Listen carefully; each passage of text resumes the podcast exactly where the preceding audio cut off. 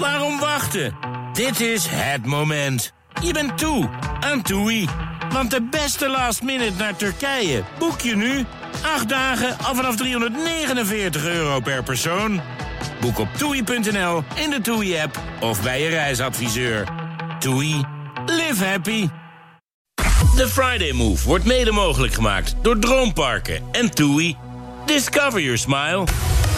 BNR Nieuwsradio. The Friday Move. Met dit besluit van vandaag wil het kabinet recht doen aan al die ouders aan wie ongekend onrecht is aangedaan. Voor mij is het veel meer dan een symbolisch moment. Het is echt het verantwoordelijkheid nemen. Wilfred Gené. Nens Kolen, ja, zij is vanmiddag mijn co-host. We hebben een tijdje niks van haar gehoord, maar daar komt verandering. Nieuwe single, een nieuw programma. Wordt hartstikke leuk. En oh ja, er schijnt ook niets gebeurd te zijn in Den Haag. Het kabinet is gevallen. Praten we uitgebreid over in deze uitzending van The Friday Move.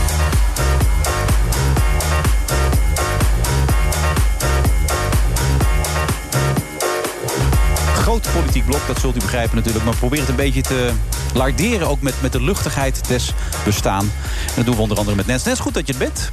Nou, ik val wel met mijn neus in de boter vandaag. Dus uh, ja, dank je. Want je denkt, die, die, die, die toeslagenaffaire, dat gaat maar wat te ver? Om daar wat over te zeggen? Of? Nou, ik, uh, ik ben niet zo'n heel erg politiek onderlegd figuur, zal ik het zo zeggen. Okay. Ik lees het allemaal wel, ik neem het tot me. Ik, ik, ik vind er misschien ook wel wat van, maar ik vind het ook wel weer heel lastig. Dus vraag me dan niet te veel, daar hebben maar we experts wat vind je voor. Ervan? Wat vind je ervan dat het kabinet gevallen is? Dat het kabinet eigenlijk Kijk, en dat vind ik dus een lastige vraag. Ik, ik denk dat het uh, uh, wel had moeten gebeuren. Dat onvermijdelijk, zeg jij. Ik hoor het je zeggen. Onvermijdelijk. Enigszins onvermijdelijk. Enigszins onvermijdelijk. Nou, hou op. Oké, okay, wat? Ja, zie je, daar gaan we al. Ja. Het is gewoon niet mijn onderwerp. Maar ik vind het gewoon verschrikkelijk wat er met die mensen is gebeurd. En daar moet gewoon wel iets aan gedaan worden. En ja. heel snel. Ja, en kijk, een kabinet zit er om het volk te vertegenwoordigen. Exact. En dat hebben ze natuurlijk op dat moment veel te slecht gedaan. Heel. Zeg maar gewoon heel slecht. Ja. Dus uh, ik hoorde van de week ook een politiek verslaggever zeggen... Ah ja, als je op dit, dit onderdeel niet valt, of je op, op zoiets niet valt... dan kun je bijna nooit meer vallen met een kabinet. Dus logisch is het wel, toch? Maar ik denk dat het voor heel veel mensen natuurlijk... Uh, die net als ik er misschien wat minder verstand van hebben... wel een soort van paniekding is van... oh, maar hoe zit dat nu? Want we hebben dus ook nog corona en het kabinet valt. Wie gaat ja, maar dat ons... blijven ze wel actief uh, in handelen. Dat is gelukkig, nou, ja. gelukkig maar. En ook een demissionair kabinet kan eventueel nog dingen en besluiten nemen. En Nou. die hopen ook dat de, de, de rest van de Kamer, dus ook de oppositie... Ja. daarin de steun zal blijven uitspreken. Maar het is roerig en dat is gewoon, maakt het ingewikkeld. Maar je hoeft er ook geen verstand van te hebben om er wel een gevoel bij te hebben, Nens. Als je het eh, van afstand bekijkt, wat je zegt, het leed dat die mensen is aangedaan, dan kun je er toch ook een bepaald gevoel gewoon bij hebben. Nou ja, dan, dan weet je gewoon, al, ook als leek, van nou, daar moet gewoon wat aan gedaan worden. En inderdaad heel snel. En als je, we hadden het er net al even over, als, die, als dus blijkt dat die mensen nog steeds geen geld hebben gekregen. Ze hebben nu op in december de toezegging gedaan, allemaal 30.000 30.000 euro 30 inderdaad. euro per gezin, maar die hebben ze nog niet, dat nee, geld. nou ja, dat vind ik dan echt schandalig. Ik waar zitten we nou met z'n allen zo lang op te wachten? Althans, die mensen dan. Hè? Ja, want ik heb net de persconferentie nog even zitten kijken. Er er op een gegeven moment ook gevraagd... kunt u garanderen, zwart op wit, hard, hier, wat u nu zegt... dat voor 1 mei iedereen zijn geld heeft gekregen? We gaan ons best doen, zei toen uh, Mark Rutte weer. Ja, dus zelfs toen kon hij, nog niet, uh, kon hij nog geen definitief ja zeggen op, uh, op die vragen. Dat is politiek, hè. We hebben straks nog allemaal mensen uit de Ja. politiek hier... eens kijken hoe, hoe direct en hoe eerlijk ze zijn... en hoeveel ze durven te zeggen en hoe ze zich uit durven te spreken. Ja. Dat durf jij wel. Met wat gevoel ben je hier naartoe gekomen, Jens? Nou ja, dat ik dacht van, oh nee, het gaat alleen maar over politiek. Terwijl ik gewoon lekker wil hebben over muziek en tv maken en dat soort dingen. Dat vind ik fijn om over te praten. En dat grappig. Ik noem je eh, al steeds. Nens, maar ik moet eigenlijk Nens Kolen zeggen. hè, Want eh, dat is volledig. Maar iedereen kent Nens natuurlijk gewoon. Nou ja, dat is een begrip geworden. Dat kolen is er op een gegeven moment weer achteraan geplakt. Terwijl Ja. het inderdaad eigenlijk Nens moet zijn. En eh, nou ja, dat vond ik is net als genoeg. Gordon. Die heeft ook geen achternaam. Je bent, Nee, je bent. Gordon, zeg maar. Daar komt het op neer. Nou, dat zal ik weer niet zeggen. Nee? Nee. Maar heb je met, met, met, met, met vreugde uitgekeken naar een gesprek met mij? Want we hebben elkaar niet zo heel vaak ontmoet. Maar Nou, de laatste keer dat ik een gesprek met jou eh, had, is een aantal jaar geleden. En toen vond ik je eh, behoorlijk eh, pittig, zal ik heel eerlijk zijn. echt waar? Ja, je bent pittig. Je Wat? kan lekker doorzagen over dingen waarvan ik denk, nou, het is wel een keer klaar. Ja, wat, Maakt niet uit. Ook in dit programma was dat. Maar ik ben, ik ben geen bange poepert. Dus ik kom toch gewoon naar je toe. Ja, wat mij het laatste bij is, dat we samen in een programma hebben gezeten met Linda de Mol, die dat presenteerde. Ik weet niet eens meer waar dat om ging. Dat, dat hebben wij samen ingezeten. Drie duo's. En ik zat met jou in een Nou, duo. nee, maar daarna hebben we nog een keer ergens op de golfclub nog een interview Oh, ja, gehad. op de En, golfclub, eh, ja. ja, nee. Maar wat me toen bijstond van die keer dat jij daarin met mij in het, in het team zat, dat je heel anders was dan ik dacht. Ik vind je namelijk op tv, eh, dat vind ik, vind ik je altijd een beetje.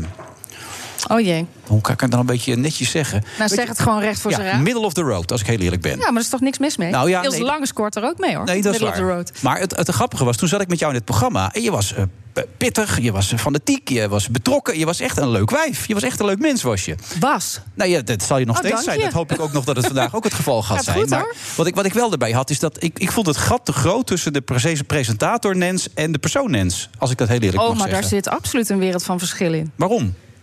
Nou, niet zozeer waarom. Dat is gewoon zo. Dat is mijn persoonlijkheid. Ik kan heel uitbundig zijn als artiest. Maar kan ook gewoon thuis echt een enorme huismoeder eh, zijn die de was staat strijken. Ja, maar dat was je die keer in het programma niet. En ook achter de schermen niet. Je was gewoon, je was stoer. Je was, eh, hè, je was aanwezig. Ja, maar ik denk dat we het hier toch wel over iets van 10 tot 15 jaar Oh, geleden dat ben je nu hebben. kwijt. Nee, dat zou ik niet zeggen. Maar ik ben wel weer wat, ja, wat ouder geworden. Dus dan eh, word je toch, sta je ook weer anders in het leven. Maar is het zo dat de, de, de persoonlijkheid buiten de, achter de schermen... dus totaal anders moet zijn dan de persoon voor de schermen? Is Nee, dat dat wat je moet niet zo zijn. Maar dat is bij jou wel het geval. Ik denk dat je als artiest eh, en je bent op tv eh, wel een bepaalde knop omzet.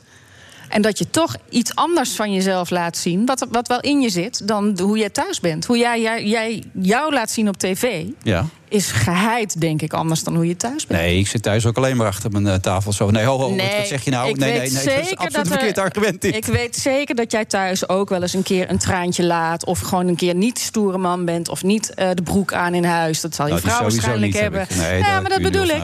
Dus weet je, iedereen heeft zoveel eh, in zich. Nou, laat ik het dan anders stellen. Ik zou het leuk vinden als de persoon, Nens Verdichter, nog eh, als presentator ook in beeld gaat komen. Ik, dat zou ik, dat- als je dat nog iets meer kan toevoegen, dat zou je ook. Nee, dat meen ik. Nou, kijk, jij, jij hebt op een gegeven moment gezegd dat je niet helemaal begreep meer waarom je op tv, niet meer op tv kwam. Het zei vriendjespolitiek en belachelijk, iedereen schuift elkaar de bal toe. Maar je moet op een gegeven moment ook onderscheidend zijn als presentator. Wat, wat maakt jou onderscheidend op tv? Nou ja, onderscheidend. Ik vind niet dat je. Want dan ga je weer een rol spelen. Maar ik weet wel dat Nee, ik gewoon je- oprecht en eerlijk ben. En heel veel plezier heb in wat ik doe. En dat, dat hoop ik dan ook uitstralen. Dat mensen dat zien. Ja, maar ja, dat is vrij nietzeggend wat je nu zegt. Dat, je, Nou, dat je- vind jij. Ja, nee, maar. Maar ik merk dat sommige mensen dat wel heel prettig vinden om een betrouwbaar gezicht te hebben op tv. Iemand die niet een trucje doet of een toneelstukje speelt. En maar dan niet- speel je geen trucje of het is geen toneelstukje volgens Ja, mij. maar ik zie wel- vergroot je bepaalde elementen van jezelf uit die daadwerkelijk altijd aanwezig zijn natuurlijk, toch? Oké, maar dan komen we terug op wat jij daar straks zei over het feit dat je mij toen stoer vond. Ja. Ja, dat is dus een bepaald element wat op dat moment even uitvergroot werd. Maar dat er niet altijd maar uitvergroot wordt. Dat hoeft niet ieder moment van de dag. Nee. Oké, nu Ja, ja. maar als je nu terugkijkt op, op waarom het dan op een gegeven moment voorbij ging... je denkt niet dat dat meespeelt, dat je eh, niet onderscheidend genoeg was meer... om nog met jou verder te gaan op dat moment? Dat dat een rol zou hebben kunnen spelen? Nee, dat denk ik niet. Wat zou dan de reden kunnen zijn geweest? Omdat er op dat moment niets was. Daar waren geen programma's meer waar ik op dat moment in paste. En eh, dat klopt ook. Die programma's hielden ook allemaal op. Maar dat zijn wat voor soort programma's dan? Waar je Nou, onder past? andere Sterren Dansen op het IJs. is eh, wat ik toen presenteerde met Gerard Joling, dat hield op. Dat Ja. kwam drie, vier la- jaar later een keer terug. Weliswaar, maar dat was er op dat moment niet meer. En toen was ik al weg bij SBS, want daar hebben we het nu over. Ja, en dan presenteer je dat programma niet meer. Nee, oké. Maar je bent nu weer terug. Ik ben je nu komt weer terug. Ja, Ja. en het leuke is bij SBS. Ja. Nou, En, en, en wat voor soort programma is dat, als je het snel even mag uitleggen? het programma heet De Helden van Nu. eh, 24 januari om eh, half vijf bij SBS. De mensen in de zorg, toch? En wij gaan mensen in de zorg, in alle vormen van zorg, gaan wij in het zonnetje zetten. Oké. Nou, hartstikke- en een nieuwe single. En een nieuwe single met 24-7, die komt maandag uit. Dus eh, met muziek zijn we ook druk. Ja. Vind je het nou vervelend dat ik dit zeg tegen je? Nee, helemaal niet. Begrijp je waar het vandaan komt, wat ik bedoel? Ehm, dat ook nog niet. Daar ga ik nog eens even over nadenken. Waarom je dat wil ventileren. Wat de meerwaarde daarvan is. Nou ja, ik, ik denk namelijk dat je meer in je mars hebt. Dat is wat ik weer tegen je wil zeggen. Ik denk als je een bepaalde karaktertrekken wat sterker laat zien op tv in je presentatie... dat je een veel betere presentator nog gaat Maar worden. dan moet het programma zich ook voor lenen. En ik heb niet die programma's gepresenteerd... waardoor ik die karaktertrekken misschien wat meer kan laten zien. Sterren dansen op het ijs leent zich niet om super duper stoer te gaan zijn. Dat zou dus op jouw pad moeten komen. Er moeten meer programma's komen waarbij je andere karaktertrekken kan Nou, verzin eens wat. Oké, gaan we in deze uitzending doen. Ja? Oké. Die blijft toch wel tot half zeven? Ja, ik wel. Oké. Top.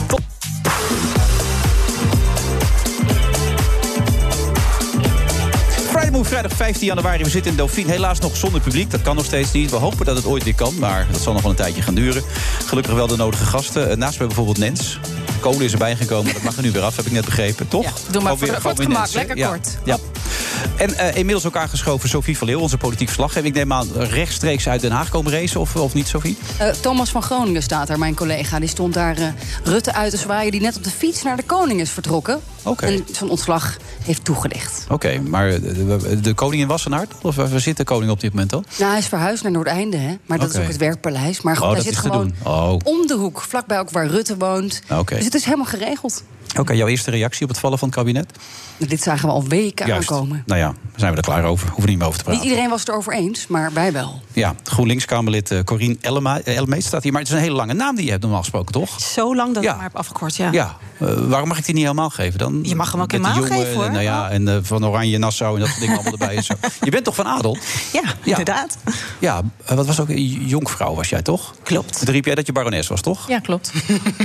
Dat is geen grapje hoor. Nou ja, je hoorde je dit zeggen. Ik denk, ik ga het toch nog even terugspelen. Ben je dat nou serieus? Ja, serieus. Ben je barones? Ja? Oh, dat wist ik niet, Ik Nens. ben getrouwd met een baron. Ja, Oh. sorry. Dan Moet word je ook- barones. Dat moet je ook gebruiken in je presentaties. Waarom zou ja, ik? dat Ik is leuk, daar- man. Het is dat ik dat Barones nu in de- Nens. In de gein... Nee, baronens heb ik altijd gezegd. Vond ik toch leuker. Hier, baronens. Nee, dat is daar goed. is je sausje. Eh, Corine, mag ik Corine zeggen? Zeker. Eh Corine, jouw eerste reactie op het vallen van het kabinet. Het kon niet anders, het was Nee, ja. onvermijdelijk, het moest gebeuren. Ja. Maar betekent dat dus ook, omdat het zo onvermijdelijk is... dat we nu ook weer snel overgaan tot de orde van de dag... en dat alle con- consequenties daarvan ook weer heel snel onder het tapijt worden geveegd, denk jij? Helemaal niet. Kijk, Nens zei het zelf ook al. We hebben het hier over 20.000 ouderen... die gewoon in een verschrikkelijke situatie terecht zijn Maar gekomen. niet alleen ouderen, het is... eh, Nee, gezinnen ook ja, Ja. gezinnen, ouderen, Ja. maar goed, de ouders met kinderen. eh, en eh, die moeten geholpen worden. En dat is nog steeds niet goed gebeurd. Dus we, zijn nog, we kunnen helemaal niet over tot de orde van de dag. Er moet snel, eh, zo snel als ka- kan eh, actie ondernomen worden. Ja. Die, die harde maat, eh, de toezegging kon hij niet doen hè, voor 1 mei dat al het geld binnen zou zijn bij die mensen, Daar toch? was ik ook een beetje verbaasd over. Van ja, er komt niet sneller meer geld of zo. Dat, daar heeft Rutte eigenlijk niets over gezegd. Toch? Ja, sterker nog, hè, die 30.000 euro waar ze het over hebben gehad... daarvan hebben we nu gehoord, de Belastingdienst staat ook klaar... om, om schuld eh, te innen. Nou ja, het moet echt niet gekker worden. Maar ik begreep wel dat Rutte ook in die persconferentie al die vragen... op een gegeven moment probeerde duidelijk te maken... dat ze daar probeerden iets voor te ondervangen of zo. Dat het niet zo gelijk een put in zou gaan... want dan hebben die mensen er helemaal niks aan natuurlijk. Nee, en die mensen moeten nu geholpen worden. Ja, wat vond je van de persconferentie? Ik was in gesprek met de bestuurders, wethouders van GroenLinks. Dus ik heb eh, de persconferentie niet kunnen zien, maar natuurlijk wel gehoord eh, eh, wat er gezegd is. En eh, ja, ik bedoel, eh, Rutte bekent nu schuld, zou je kunnen zeggen. Maar het is tien jaar beleid Rutte geweest die tot deze ellende eh, ook heeft geleid. Dus pas als de druk, politieke druk zo hoog wordt dat hij eigenlijk niet anders meer kan, dan Ja. bekent hij schuld. Maar het is geen schuldbekentenis. Hij spreekt van een collectief falen. Dus het is Ja. niet zijn schuld. Het is de schuld van iedereen, inclusief het kabinet. Hè. Maar er zijn natuurlijk al meer fouten gemaakt. Ook hè, misschien door rechters, of door de Tweede Kamer, of door ambtenaren. Dus ik, het klonk voor mij niet als een schuldbekentenis. Wel, wel verantwoording afleggen, maar daar was hij toch heel duidelijk in. Sterker nog, hij heeft gezegd... ik ga door als lijsttrekker van de VVD. Dat kan gewoon. Ja, dat kan gewoon. Maar je mag toch hopen dat de kiezer inmiddels ziet dat eh, tien jaar beleid Rutte leidt tot verschrikkelijke situaties. En dat had niet kunnen gebeuren als deze man niet aan het roer had gestaan. Sterker nog, hij is zelf voorzitter geweest van de commissie aanpak fraude. Hè. Dat heeft hij gewoon rechtstreeks, heeft, direct heeft hij dat geleid. Ook om- omdat de Tweede Kamer dat wilde. Toch? Ja, maar ik, ik geef aan dat dit een man is die natuurlijk bepaald beleid voor ogen had. En die bepaalde dingen wilde. En die eh, fraude wilde aanpakken. En daar zo in is doorgeschoten dat deze situatie Die harde lijn komt uit zijn koker, dat is wat je zegt. Ik hoorde dat Lilian Marijnders net ook op Radio 1... Oh shit, ik sta naar Radio 1 te luisteren, sorry. Mag Ja, ik dat dat hier mag wel zeggen of niet? Ja. Oei. Excuus daarvoor. Maar ik zat naar Radio 1 te luisteren. Toen hoorde ik Lilian Marijnders het ook zeggen. De doctrine Rutte had het op een gegeven moment over. Die harde lijn kwam met zijn koker. Dus hij is minstens zo verantwo- verantwoordelijk. En sterker nog, niet geloofwaardig als, eh, als nieuwe minister-president... als hij door zou gaan. Nee, ik denk dat jij? dit. Ja, absoluut. Kijk, dit is, als, als dit iets laat zien, is dat het tijd is voor nieuwe politiek, voor andere politiek. Dus we moeten hier echt van afstappen. Dit was gewoon eh, politiek wat gaat over wantrouwen. Mensen wantrouwen. Overheid die er niet is voor mensen. Ja. Maar die eigenlijk tegenover die mensen staat en die mensen in de problemen brengt. We hebben zo'n ingewikkeld systeem gemaakt met al die toeslagen dat dat ook tot heel veel ellende leidt. Dus ik denk echt dat het tijd is voor, voor nieuwe politiek. En dan ga niet voor zeggen, eh, Rutte. Corine. En dat is niet flauw bedoeld, maar ik denk dat ze gewoon straks 38 zetels halen. Dat is mijn gevoel. Gewoon omdat iedereen het alleen maar over corona heeft. En over twee of drie weken, kijk, dit is nu even een klapper. Maar het is de laatste tijd. In, in- we leven in een tijd dat niets meer beklijft. Zo lijkt het bijna wel. Hele heftige dingen zijn even heel heftig. Mhm. En een week daarna weten vaak mensen het al niet meer. Als hij zo doorgaat met het coronabeleid. en waar hij nog steeds heel veel steun onder vindt in de Nederlandse bevolking. dan denk ik dat heel veel mensen daar straks in het stemhokje toch weer denken. hij heeft het met corona goed gedaan. Weet je, ik denk toch dat we de kiezer niet mo- moeten onderschatten. Kijk, je hoeft niet een soort eh, helemaal diep in de politiek te zitten. Eh, Nens zegt ook, ik, ik volg niet de politiek eh, iedere dag op de voet... maar ik voel aan Mhm. dat er echt iets mis is gegaan. Eh, En mensen zijn echt in de problemen gekomen door Ja. deze politiek.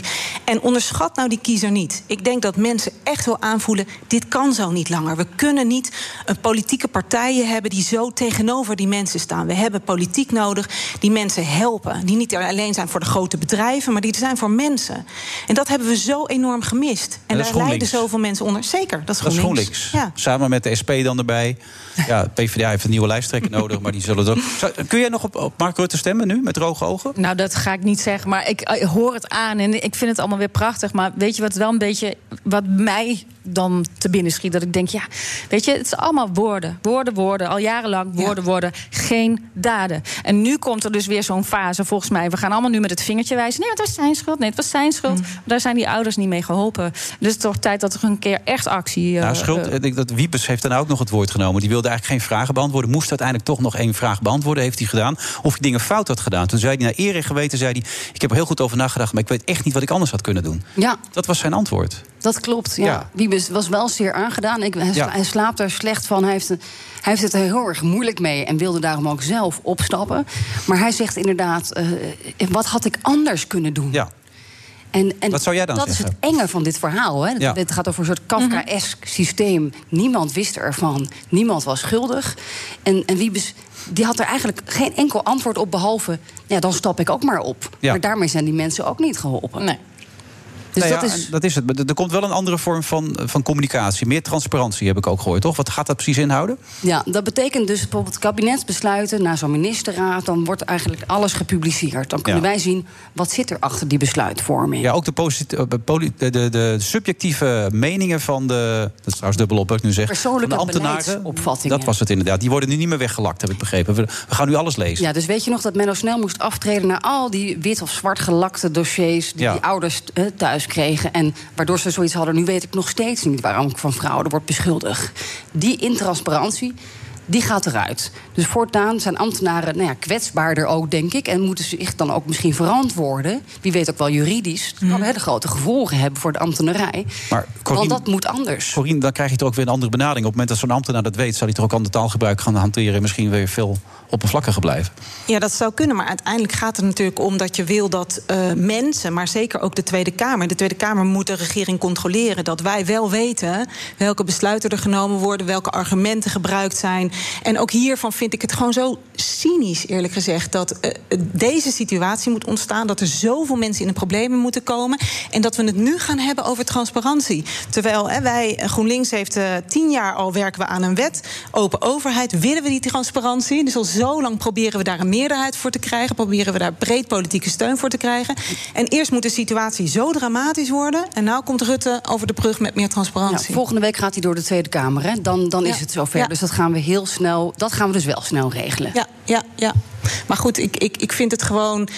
Weet je waar ik zo treurig van word? Is dat het eerst helemaal mis moet gaan. Terwijl we eigenlijk al heel lang weten. We hebben een, hè, een systeem, heel ingewikkeld systeem gemaakt. met al die toeslagen. Hè. Dus, dus mensen moeten eh, eh, dan weer eh, extra compensatie zojuist, sorry dat ik naar Radio 1 zat te luisteren. Het was echt mijn auto. Mhm. Ik kon niet aan die knop. Ik snapte niet hoe die knop werkte enzovoort. Maar zonder gekheid, die zei ook van... we moeten af van al die toeslagen. Je kan beter met een verhoging van het minimumloon gaan werken. Andere manieren vinden om die toeslagen sowieso niet meer te hoeven hanteren. Ja, we hebben het systeem echt veel te ingewikkeld gemaakt. Het moet simpeler, want je ziet nu dat heel veel mensen die eigenlijk recht hebben op die toeslagen, dat het zo ingewikkeld is dat ze er geen aanspraak op maken. En dat gaat echt om heel veel mensen. Hè. Is, dat, gaat- is dat ingewikkeld om dat weer helemaal te ontmantelen, zeg maar, zo'n systeem? Zeker, maar we zullen het wel moeten doen en we zullen dat in stappen moeten doen. En ik denk dat de kinderopvang een hele mooie eerste stap is. Zorg nou dat die kinderopvang gratis wordt. Dan heb je die hele toeslagen niet meer nodig. Helpt voor vrouwen om te gaan werken. Ik zie Nens al juichen. Nou ja, het is, voor mij, het is voor mij te laat, maar inderdaad. Nee, maar ik denk echt, dit is een eerste hele belangrijke stap... die het voor mensen simpeler maakt, betaalbaarder... en je zorgt gewoon dat het aantrekkelijk wordt voor, eh, ook voor vrouwen om meer te gaan werken. Ja, eh, iedereen neemt zijn verantwoordelijkheid op een bepaald manier. Dat deed Lodewijk Asscher ook. Begreep je dat? Ik begreep het wel. Ik vond het wel echt eh, een heftig besluit. Eh, omdat het natuurlijk anders is. Kijk, een kabinet stapt op, maar die mensen kunnen terugkomen. We zeggen niet, hè, je mag niet terugkomen als lijsttrekker. En voor Maar Lodewijk Wiebes kwam ook niet meer terug, had ik de indruk. Nee, oké, maar die is ook geen lijsttrekker. Nee. Hè, maar het gaat even over de partijleiders. Dat Ja. je tegen, en, en voor Lodewijk Asscher betekent dit dat hij niet terugkomt als partijleider. En dat is nogal wat. Ja, hoe heb jij daarop gereageerd toen je het hoorde? Ik vond het wel een beetje laat. Eh, ik heb hem al een aantal keer gevraagd in de wandelgangen... van wat gaat u nou doen? En dan zei hij, ja, ik ben niet politiek verantwoordelijk... want ik ben geen minister meer van Sociale Zaken. Daarna zei hij, eh, andere lijsttrekkers stappen ook niet op... dus waarom zou ik opstappen? Dus het heeft wel even geduurd voordat hij tot het inzicht kwam. En ik vraag me ook af, nou, misschien hebben andere mensen hem toch geholpen... Om, eh, met het idee om toch maar op te stappen, want we gaan een campagne in. En ja, de PvdA kan natuurlijk gewoon beschadigd raken door zo'n bewindspersoon of zo'n lijsttrekker. Ja, ja, ja, zeker. Maar wie moeten ze nu dat neer gaan zetten dan, eh Sophie? Nee, ik, ik gok al de hele week op, op toch Lilianne Ploemen. Dat is Ja? de nummer drie van de lijst. Ja, dat weet ik, maar is die dat nou... is fractievoorzitter. Hè? Nu, die was al plaatsvervanger. Dus die volgt hem sowieso op de komende weken in Ja. de Tweede Kamer. Is partijvoorzitter geweest. Minister. Dus die vrouw heeft veel ervaring. Ja. En Maar is dat mij. nou het elan wat ze zoeken bij de PvdA op dit moment? Nou, Timmermans die wil volgens mij niet. Abu ook niet. Nee. Dus, ehm, en ja, het wordt ook wel een keer tijd voor een vrouw bij de PvdA. Want die hebben we nog nooit eh, gezien, eigenlijk. Oké, we gaan het zo ook even hebben over de corona-aanpak. Want dat is ook nog steeds het geval, hè? Corona, waar Ja, we rekening zijn we mee nog niet. Dat bedoel ik inderdaad. Tot zo.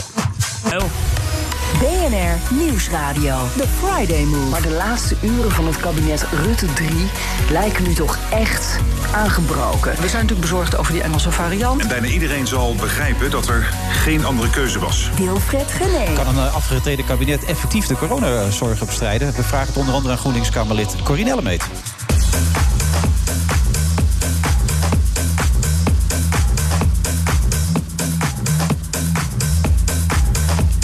Allemaal in een uitzending van de Friday Move. Vrijdag 15 januari. Naast me nog steeds Nens. Ik moet dat kolen, dat kan ik er nog niet meer uitkrijgen. Het zit nu helemaal in mijn hoofd, dat Hou het er kolen. lekker in. Ja, nou hou het wat, er lekker Had het in. ook niet moeten opzoeken, Wilfred.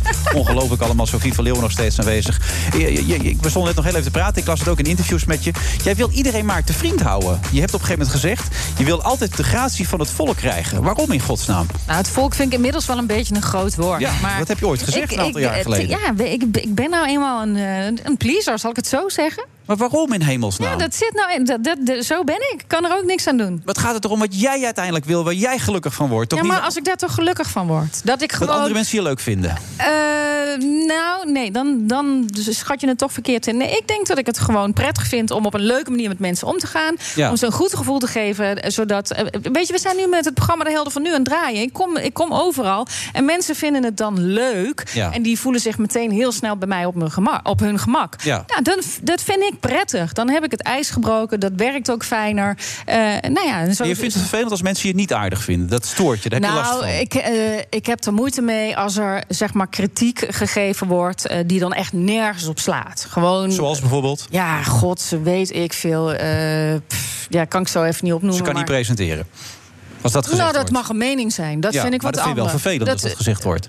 Tuurlijk, die wil alleen maar eh, het liefst de hele dag applaus. Laten we heel eerlijk zijn, dat wil jij ook. Dus, dus als iemand dan zegt ze kan het niet, ja, dan, dan doet dat wel wat met je. Maar ik kan daar eigenlijk ook weer niet zo heel erg veel mee. Ik denk van ja, als dat het enige is, weet je, dat is een, dat is een smaak. Dat is een smaak. Jonkvrouw, dokter Anders, Corine, Elisabeth, de jongen. Ja, ga maar weer snel door.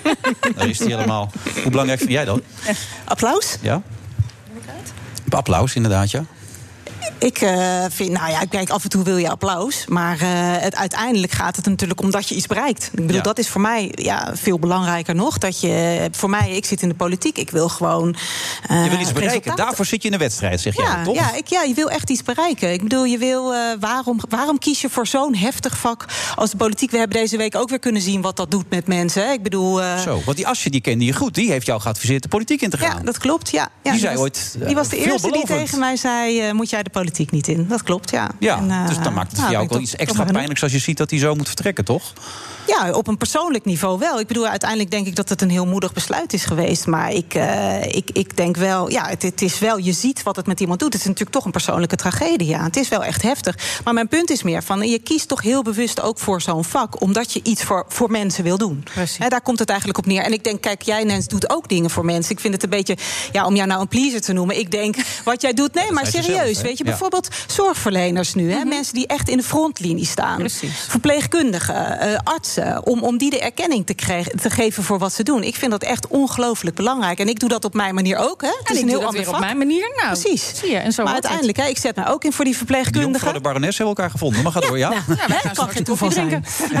Maar Corine, eh, betekent dat ook dat Rutte dan zo graag VVD-lijsttrekker wil blijven? Omdat hij iets voor mensen wil doen? Dat hij denkt dat hij het beste is voor Nederland? Nou, kijk, je hoopt natuurlijk dat uiteindelijk iedereen in de politiek zit met die reden. Eh, maar ik vind het soms wel eh, treurig dat je het idee hebt van het, het hoogste doel lijkt voor sommige mensen te zijn om aan de macht te blijven of om het spel heel slim te spelen. Maar uiteindelijk, weet je, daar, ja, eh, zou mij dat, Dat echt geen voldoening kunnen geven. Hij speelt het spel heel slim, dat is wat je zegt. Ja, en ik vind soms ook lijkt dat een soort van. Intrinsiek is zijn motivatie niet juist. Nou ja, de, de- is de motivatie niet juist. Ik mis gewoon. eh, ik, ik, ik zie niet die resultaten bij hem. Ik zie niet dat hij zich echt inzet voor mensen. Ik zie niet dat hij zich had inzet echt gelaten iets... vorig jaar, had hij gezegd, toen hij met al die gezinnen gesproken had. Het is nu een jaar verder, is niet veel veranderd eigenlijk. Ja, ze hebben nu die 30.000 toegezegd. Is dat een, een gebrek wat jij beschetst dan? Hij kan wel zeggen, ik heb daar met een traan gezeten, maar hij doet uiteindelijk niks. Is dat Nou, wat je bedoelt? uiteindelijk hebben we, hebben we gewoon gezien dat mensen het zwaarder hebben gekregen hè, onder hem. Tien jaar lang Rutte, waar heeft dat toe geleid? We hebben steeds meer mensen die eh, allemaal kleine baantjes hebben, die nauwelijks rond kunnen komen. We zien dat we gewoon de, de niet halen. We zien gewoon op hele belangrijke thema's dat we de resultaten niet hebben. En dan denk ik, dan heb je zoveel GroenLinks macht. instappen de laatste keer natuurlijk. Daar jullie gewoon moeten En instappen. moeten we de volgende keer instappen. En daar ga jij voor zorgen als nummer twee. Hè? Want jij bent tegen polarisatie. Jij bent geloof ik wel van het verbindingsmodel, ja, toch? Ja, absoluut. Ik vind, weet je, we leven in een land met heel veel partijen. En, en ik wil gewoon die verantwoordelijkheid nemen. GroenLinks wil die verantwoordelijkheid nemen. Ik denk echt dat het tijd is voor een keerpunt voor andere politiek. Bij de volgende verkiezingen stappen jullie niet meer terug. Wat wij, er ook gebeurt. Wij stappen naar voren bij de Ja. volgende verkiezingen. En, en, jullie stappen en- niet meer uit op het nou, laatste moment. weet je wat het, het grote verschil is? Wij gaan nu naar voren stappen met ook andere partijen. Hè, met de PvdA, met D66. ehm, en echt met het doel, eh, we willen die verantwoordelijkheid nemen. Ja, zeker. Maar jullie willen alleen met de PvdA toch eh, mee regeren met Rutte? Nou, we hebben gezegd, hè, we willen inderdaad met de PvdA samen eh, eh, erin stappen. Ja, want ik denk dat het, dat het belangrijk is om ook dat linkse geluid sterk te laten horen in een volgende regering. En, eh, en Anders dat- word je de volgende keer afgestraft en dan hou je drie zetels over. nou ja, en anders kan je ook gewoon minder voor mensen doen. We hebben het nu over die toeslagen, maar het zit natuurlijk op heel veel terreinen. Dat je gewoon ziet, we moeten meer voor mensen doen. We moeten meer voor verpleegkundigen doen, om maar wat te noemen. Voor onderwijzers, voor leraren. Dus ja, die zijn er toch wel heel erg bekaaid van afgekomen de afgelopen jaren. Die hele publieke sector is uitgekleed. Als je gewoon naar je eigen dorp kijkt, weet je, wie heeft er nog een zwembad in zijn dorp? Wie heeft er nog een biep? Het gaat echt Je om hele de achtertuin of gewoon een normaal zwembad? nou, weet je, een zwembad in, een mijn achtertuin lijkt me ook maar- best fijn. Nee, nee. nee, maar- Alle gekheid op een stokje. Nee, ik vind echt eh, eh, dat, je, dat je ziet wat, wat tien jaar rechtsbeleid heeft gedaan. Gewoon een soort van verstraling, verarming van, van hele basale voorzieningen. Gewoon van zwembaden, van, van bibliotheken, van dingen die er voor alle mensen zijn.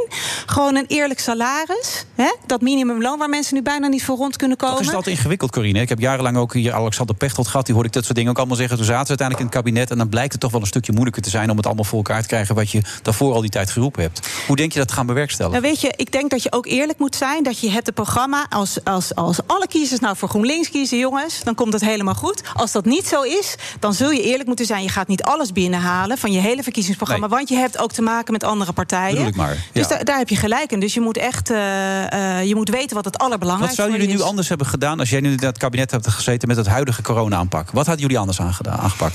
Nou, ik denk wat je ziet eh, met de corona-aanpak is dat eh, deze minister gewoon heel weinig regie heeft genomen. Dus hij heeft het eigenlijk allemaal aan andere partijen overgelaten. Hè. De GGD's had je. Je, nu over Hugo de Jonge, neem ik aan, toch? Ja, ik heb Ja. het over Hugo de Jonge. Ja. En, en iedere keer zag je weer dat hij eigenlijk toch erg achter de feiten aanliep. Terwijl je moet gewoon in zo'n crisis moet je de regie pakken en zeggen: oké, we moeten nu zoveel mogelijk mensen gaan testen. Hoe gaan we dat doen? Hoe zorgen we dat we zoveel mogelijk testen inslaan als land? Hè? Je, moet, je moet echt eh, je moet die leiding pakken. En Ja. dat heeft hij te weinig gedaan. Is dat zo? Vind jij dat ook, Sophie? Nou, hij heeft het wel moeilijk hè, eh, op het moment in de Tweede Kamer. Eh, vorige week had hij een motie van wantrouwen aan zijn broek. Die kwam toch wel even hard binnen, was van de PVV. Daar was geen meerderheid voor, maar hij heeft een gele kaart. En ik vraag me wel eens af, ja, kun je dan door? Volgens mij kun je trouwens, Corine, een minister alsnog wel wegsturen in een demissionair kabinet. Dus je kunt het kabinet niet meer wegsturen, maar wel één minister.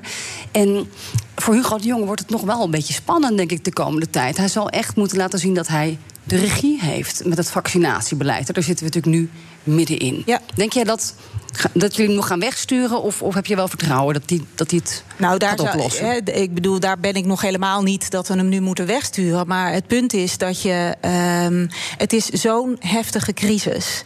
Zoveel mensen zitten thuis, worstelen met, met kinderen thuis, zieken. Weet je, het, het, gaat, het raakt bijna iedereen, ondernemers niet te vergeten. Dat we kunnen het ons niet veroorloven om het net niet helemaal goed genoeg te doen. Dus de druk is in die zin wel echt heel groot op Hugo de Jonge. Dat we zeggen: oké, we willen zo snel mogelijk, zoveel mogelijk mensen vaccineren. Ja, die Neem het heft in Het handen. kabinet had bijvoorbeeld ingezet op dat Oxford-vaccin natuurlijk, het AstraZeneca. Dat is uiteindelijk niet meteen de eerste geworden. Je moet ook een bepaalde keuze maken van tevoren, toch? Of, of, of, of is het Ja, je moet keuzes maken, maar je moet ook denken van... we moeten in ieder geval zoveel mogelijk vaccins inslaan.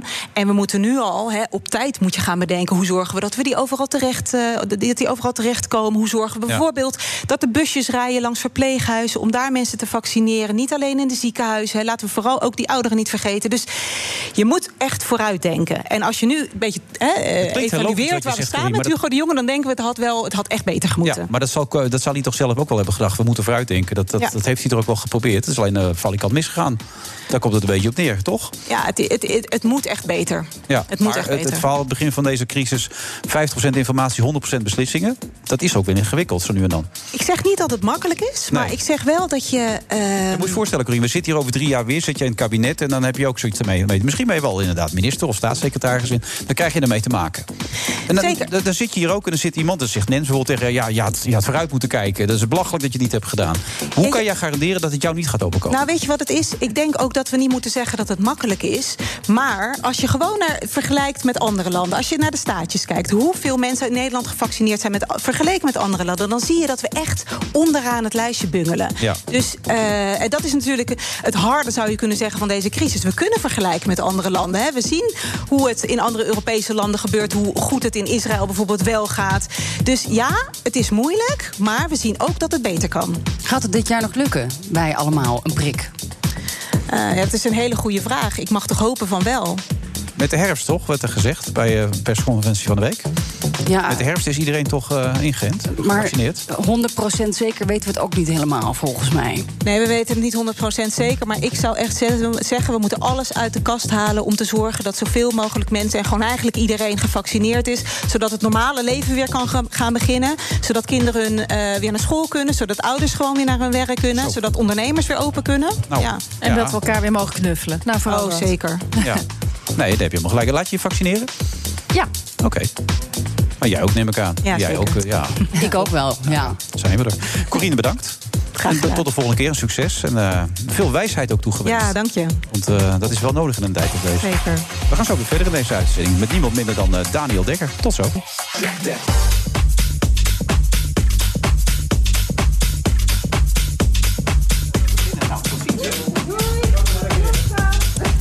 Vrijmoed vrijdag eh, 15 januari is het alweer. Nens zit naast me. Ja, die kent de volgende man natuurlijk als geen ander. Henk Bakhuizen. Die ken je goed, toch? Of niet? Henk, Ja, maar niet heus. ken je Henk Bakhuizen niet? Nee. Die zit tegenover je.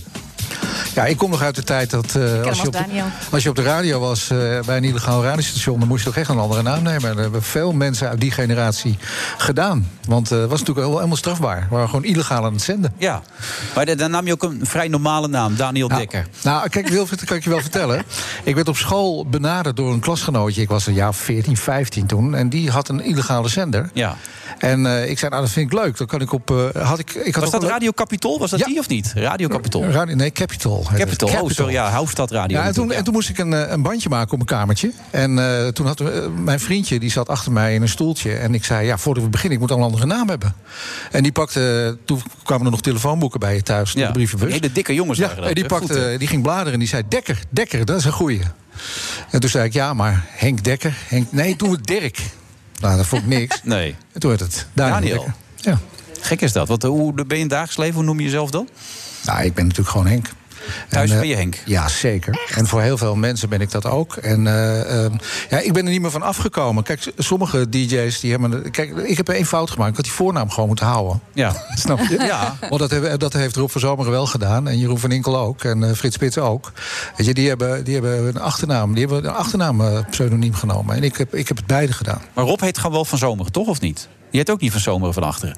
Oh. Nee. Hoe, hoe heet Rob van achteren dan? Ja, nou ja, dat is allemaal op te zoeken Nou natuurlijk. ja, zoek het nu even Zoek voor je op. op Rob van Lonkhuis, eh, Frits Ritsmeester, Lodewijk Ja, de dat Hengst, dat is oh ja, Lex Harding. dat is Lex En, Harding, ja. eh, Erik de Zwart heet vroeger Rob de Wit. Zo deden we dat. Ja. Maar ja, ik, eh, dat is allemaal wel heel lang geleden hoor, dit. Maar we vrienden, familie enzovoort, allemaal Henk. Ah, het is ook heel makkelijk trouwens. Hè? Want eh, als ik ergens loop en ik hoor Daniel, Daniel, dan weet ik nou... Dat, zou, eh, dat is niet echt een bekende. Nee.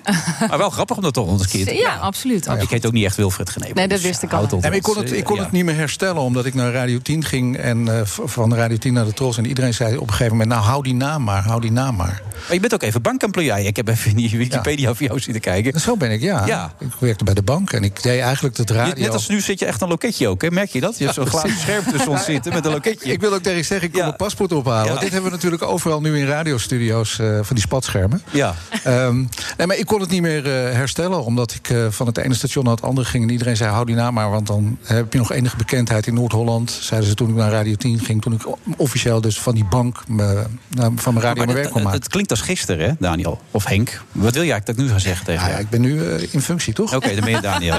Maar het klinkt als gisteren, toch? Het is inmiddels 40, 45 jaar geleden. Dat is 15 jaar. Nee, joh, het was eind jaren 80 dat ik eh, echt officieel mijn werk ervan kon maken. Ja. 1988, september 88 ben ik bij... eh, Tot die tijd was je bankemployé.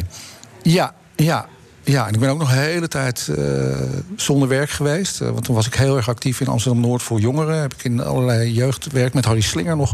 Ik verveel me zo in Amsterdam-Noord, dat liedje ken je? Ja, geweldig nummer Ja, inderdaad. dat, we- dat is in die tijd ontstaan. Omdat er in, in met name in Amsterdam-Noord was een hele nieuwe wijk in Amsterdam... Waar, eh, ja, waar weinig te doen was voor jongeren. En wij wilden daar een buurthuis hebben. Zodat jongeren niet op straat zouden rondhangen... en geen drugs gingen gebruiken, gingen stelen. Dus, en daar draaide een andere jongen eigenlijk plaatjes. En ja, zodoende... Is die er nog ergens terechtgekomen? Of, eh, Ik nee? heb hem nooit meer Nee, gehoord. dat was, eh, nee? Of ik moet onder een andere naam zijn. Ja, dat zou ook nog weer kunnen natuurlijk allemaal. daarom uit het oog ben verloren. Maar toen werd het serieus werk en toen kon je die naam niet meer veranderen. Dus toen was vanaf dat moment Daniel Dekker. Ja, ja. Henk, Henk Bakhuizen, ja, dat kan toch? Ja, Henk, Bakhuizen. Ja, en dat zou Henk nu eh, Bakhuizen. denk ik anders zijn. Denk ik, ja, het is nu anders. Het is, het is natuurlijk ook heel veel veranderd bij de radio. In de... Zijn jullie elkaar vaak tegengekomen in die jaren? Nou ja, wij kennen elkaar wel uit mijn periode dat ik bij de Tros werkte. En ik heb je regelmatig door het pand zien lopen. En bij de, bij maar de nooit met radio. koffiezetapparaat even een bakkie even bij- bijpraten? Nou, wat wel waar is, kijk, ik ben dus eh, eind jaren 80 bij eh, de radio begonnen. En Nens heeft met haar grote successen met 24-7, die waren eh, eigenlijk in de jaren 90, toch? Eh, Dat Slave ja. to the Music en eh, al die grote hits die hij scoorde, die heb ik allemaal nog gedraaid op de radio. Precies, dus wij, wij- ik kwam dan wel eens als gast eh, bij de radio terecht. Daar bij kennen- jou, ja. ja. daar kennen we elkaar van. Ja. Je, je kreeg net een beetje ons gesprek mee. Wat vind je van het feit dat iemand zich altijd wel openstelt... een soort pleaser zichzelf noemt? Hoe, hoe ervaar jij dat? Ben jij ook een pleaser? Nou ja, kijk, eh, wat ik, wat ik van het gesprek vooral heb opgevangen... maar dat is natuurlijk ook een beetje beroepsdeformatie... is dat er een nieuwe plaat komt. Die wil ik dan horen, weet je wel? Ja. Want dat hoorde ik je zeggen. Daar, vraag je dan niet-? Daar heb je verder niks over doorgevraagd nog. Maar die komt maandag dus al. Oh. Dus dat, dat zou Heb je niet aan ons afgegeven? Oh, jawel hoor. Ja? Ja. Nou, we dus-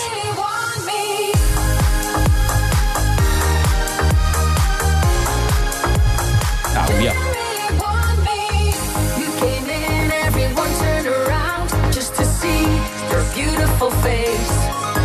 Nou, kom op, Wilfred, dansen.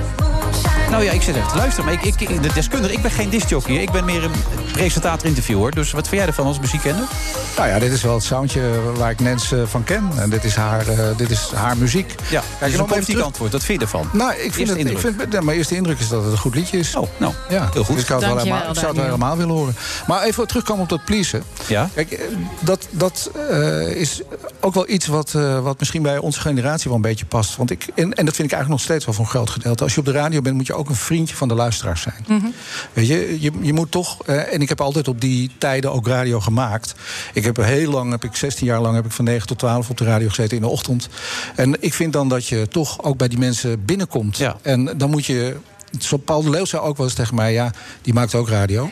Die zei, je moet ook mensen irriteren. Want als je mensen irriteert, zetten ze je ook aan. Dat is ook waar. Ja. En eh, ja, Nee, ik krijg heel vaak appjes van mensen die zeggen... eh, deze tijd luister ik niet. Maar het zijn altijd dezelfde mensen die altijd vier, vijf appjes nou, per uitzending sturen. Ik, ik denk ook dat een onderdeel van jouw succes is dat je ook gewoon irritant bent. En Ja. ja, ja nou, dat hoort gewoon. ja. Nee, maar ik ontken het ook niet. Nee, precies. Dus, Maar het, het is ook zo dat je, als je op de radio bent en je bent iedere dag op de radio, wat ik nu weer mag doen, eh, dan moet je ook zorgen dat je een vriendje van de luisteraar bent. Anders gaan ze je echt niet aanzetten. Vooral niet omdat er ook zoveel keuze is eh, tegenwoordig. Maar ja, je hebt de Marconi Oeuvre Award gewonnen. Eh, en daar staat in als rapport onder andere... zijn ongekend succesvolle radiocarrière... zijn herkenbare stem en een eigen geluid. Een allemansvriend. Met radio in zijn hart. Een allemansvriend. Is dat dan een compliment of niet? Vind je dat mooi? Ja, ik denk dat dat wel een. Ik, ik vat het in ieder geval op als een co- een compliment. Omdat ik. eh, ik heb nog nooit gasten in mijn radioprogramma uitgenodigd. En er zijn er door de jaren heen natuurlijk best wel veel voorbij gekomen. Om die mensen. Op hun nummer te zetten of om, om te vertellen... nou, leuk dat je er bent, wat heb jij een verschrikkelijk slechte plaat gemaakt. Nee. Weet je, ik Ook als de plaat slecht was, deed je dat niet? Nee, dan kwamen ze niet. Oh, daar kwamen ze niet. Alleen mensen met goede platen mochten komen. Nou ja, ik, ik moet wel iets hebben met, met de muziek die ik draai. Dus eh, ik ga geen mensen uitnodigen of daar een interview mee doen... als ik die plaat niet leuk vind. Dus in het muziekcafé zijn altijd alleen maar mensen voorbij gekomen met goede platen. Ja, ja, ja. Dan heb Dus al die mensen die niet langs zijn gekomen, die weten nu waarom ze niet langs mochten komen. Nou ja, dat maar- was gewoon klote muziek. Nou ja, dat, zo werkt het toch in de muziekwereld ook, Ja, eh, nee, Wilfred. ja, bedoel, de, de goede liedjes komen op de radio en de slechte worden niet gedraaid. En eh, ik vind als je een dergelijk programma hebt... waar je mensen vraagt om live op te treden... en, hun, en dus hun creatieve uiting te doen... wat ze zelf heel serieus nemen... Ja. Nou, dat je, als je dat podium biedt, moet je daar ook serieus mee Ben je ooit langs geweest in het muziekcafé? Dat bestond toen nog niet, volgens mij. Toen jij actief was als zangeres Ik niet? durf het niet te zeggen. Nee, bestond toen nog niet. Nu kan het weer wel. Dat is, dat Nou dat overgenomen net- van jou. Ja, maar ik presenteer het alleen niet Nee. meer. Dus ik weet niet Oh, hoe, jammer. hoe de criteria nu zijn. Jammer. Misschien kom je met een slechte plaat wel in. Dus. Nee, we worden nu gepresenteerd door een vrouw. Ja. Ja, Nou, wie weet. ja. ja. moet absoluut kunnen. Eh, Is dat, dat is natuurlijk heel fijn aan de ene kant een prijs, hè? Maar je oeuvre award betekent ook dat je aan het einde zit ongeveer. Ja. Ja, maar voel je dat echt zo? Nee, Van, dan is het nu klaar, toch? Nou ja, dus dat hoort bij het woord oeuvre. Maar ik weet dat eh, Rob Stenders heeft een 15 jaar geleden al een keer gekregen, volgens mij. Echt waar? Ja. En eh, ik, ik kom in een verschrikkelijk mooi rijtje terecht van... eh, kijk, Willem van Kooten kreeg hem twee jaar geleden. Ja, George Freulich. Ja, dus er Ja. zijn heel veel mensen ook die al lang met radio gestopt zijn. En ik denk dat het moment voor mij nu... Tenminste, ik, kan, ik heb de juryleden natuurlijk niet gesproken... maar dat heb ik dan voor mezelf een beetje gefantaseerd. Dat het Mhm. ook een beetje te maken heeft met het feit dat ik natuurlijk... na een hele lange tijd bij een nieuwe omroep ben begonnen... en dat ik nu weer dagelijks een radioprogramma ga- ben gaan maken sinds oktober. Ja, bij En de dat- Max is dat toch? Ja, precies, bij Omroep Max op NPO Radio 5. En dat ik natuurlijk betrokken ben geweest bij het Songfestival eh, de afgelopen tien jaar. En dat dat ook eh, heeft geleid tot uiteindelijk eh, de winst. Ja. En eh, ja, dat, er moet iets. Er zijn natuurlijk altijd vinkjes die, eh, die juryleden zetten. Ik heb zelf ook een tijdje in de jury mogen zitten. Maar die, die winst van ons, dat, dat reken je jezelf ook een klein beetje aan. Duncan Nou ja, zat- is ook een klein beetje Daniel Dekker of Henk Bakhuis. Nee, ik zat gewoon in het team, eh, Wilfred. Net Ja. zo, Nee, maar dat als- kan toch? Je kan het toch Ja. voelen zo? Nou Volgens ja, mij ik- hebben wij dat ook een paar jaar geleden nog samen gedaan. Het Songfestival jury. Ja, klopt. Dat. Ja, ik heb er in ieder geval wel heel hard aan gewerkt en eh, mijn, eh, ja, mijn expertise ingezet om, om het tot een succes te maken. Ja. Ja, en ondertussen deed je allerlei andere dingen. Je zat in juries, ook nog voorzitter van de fanclub van Ajax natuurlijk, hè, de supportersvereniging. Ja, zeker. Daarover gesproken, ik sprak gisteren Yves Geiraat en ook Erik de Vlieger... die beweren dat Ajax 15 miljoen zou moeten betalen aan de familie Nouri... waarvan 5 miljoen door de verzekering. Eh, als dat waar is, wat vind je daarvan? Nou ja, eerst was ik eh, heel erg kwaad. Want ik neem ook een podcast op voor eh, Ajax. En eh, afgelopen maandag hebben we dat gedaan. En voordat ik eraan begon, had ik dat interview met Mark Overmars gezien. Dat heb jij ook gezien, denk Ja. ik, op eh, ESPN. Eh, of IPSN. hoe zo? Ja, ja, ESPN, ja. Nee, goed, Mark zei daar. Nou, we hebben voor Sebastian Haller hebben we toch wat extra betaald om te laten zien dat we hem heel graag wilden hebben. Ja. En later kwam dat bericht natuurlijk, eh, dat was eigenlijk bijna gelijktijdig die dag, dat Van der Sar zei: Ja, waarschijnlijk wordt het een rechtszaak, we komen er niet uit. En toen was ik eigenlijk heel boos, want toen dacht ik: Ja, ik moest ook aan een buitenlandse club denken. Eh, Misschien weet jij hem ook. Fiorentina. Ja, die, speler die overleeft, Ja. die hebben ze gelijk een contract voor het leven gegeven. hebben, die die hebben meteen tegen die familie gezegd: we gaan het niet eens over hebben. Wij zorgen de rest van ons leven voor dit gezin en voor die mensen. Maar eh, toen ik die podcast ging opnemen, waren er ook wat mensen bij die wat meer weten van de dagelijkse gang bij de club. En die zeiden weer: ja, het ligt toch wel wat genuanceerder. Omdat er eh, vanuit de familie een. ehm, ja, zij, zij willen eigenlijk de carrière van, van Nouri eh, zo groot maken. En, Dat er veel meer geld moet komen. Maar ja, er moet veel meer geld komen. Nike sponsorcontract, portretrechten over de rest van als zijn leven. Geiraat en de Vlieger zeggen... met 15 miljoen gaan ze akkoord en dat wil Ajax niet... Dan zou ik zeggen, betaal dat. Ja, Jij niet? Dat lijkt me ook. Ja. Dus ik bedoel, maar omdat er steeds gespeculeerd werd over 30, 40 miljoen. Maar er wordt dan ook nog gezegd dat. ik heb geen bedragen gehoord, dus dat weet ik niet. Nou, gisteren beweerde zij dus dat de familie het akkoord zou willen gaan met 15 miljoen. Waarbij 5 miljoen ook nog betaald wordt door de verzekering. Dan zou 10 miljoen door Ajax moeten worden betaald. Het is natuurlijk heel terug dat dat straks voor de rechter komt... en dan gaan we dit allemaal horen, Nou waarschijnlijk. ja, dat is het. En daarom vroegen zij zich ook af, en wij met z'n allen denk ik ook... waarom Ajax het zo ver laat komen. Ja. Want ik wil, dat maakt het wel heel pijnlijk. Er spelen Ja. allemaal jongens met nummer 34. Donny van der Beek, eh Kluivert volgens mij, Ja. eh, El Ghazi. Allemaal als eerbetoon. Maar dat kan dus wel een, een signaal zijn dat er dus ook wel veel meer achter zit dan wij vermoeden. Want Ja. dat, wat jij nu zegt, dat geloof ik namelijk ook. Ja. Dat waarom zou Ajax dat zo ver laten komen? Maar mag ik, een, mag ik even echt een- misschien een blonde vraag? want Ik heb er zo geen verstand van. Maar, maar dit is een gezondheidsding. Dit is iets Ja. wat gebeurd is op het veld. Dat kan anybody overkomen. Mag je dat dan een club aanrekenen? Nou, mag dat de club wordt aangerekend is dat er niet adequaat gehandeld is door de clubarts. En in eerste instantie heeft Ajax dat ontkend, later hebben ze dat toch toegegeven. En toen Mhm. hebben ze ook schuld bekend. En daarbij heeft Van der Sar ook een traan gelaten. Emotioneel werd hij erbij. Mhm. Ik begrijp ook dat Van der Sar en, en, en, Overmars volgens hun informatie er anders in staan dan eh, de Raad van Commissarissen, die door de heer Meijlaert wordt voorgezeten. Klopt Ja, dat? ja, Die dat vroeger bij een grote financiële organisatie heeft gewerkt. En iets meer in geld denkt en iets minder in emotie. Dus dat zou ook nog een rol kunnen spelen. Maar wat je zegt, daardoor is het op een gegeven moment fout gegaan bij Ajax. En hebben ze ook gezegd, die fout moeten wij op ons nemen. Dat is onze schuld. Maar wat Daniel ook terecht zegt. Ik bedoel, er is een club, Fiorentina, een speler overlijdt. En die zeggen gelijk, de rest van ons leven is het voor die familie geregeld. Weet je wel, dat is voor elkaar. Mhm. Zo ja, kan het ook. ik, ik bedoel, ik, ik heb niet zoveel geld. Maar je, je zou ook bijna denken... eh, van een bepaald bedrag kan je toch gewoon leven. Ja.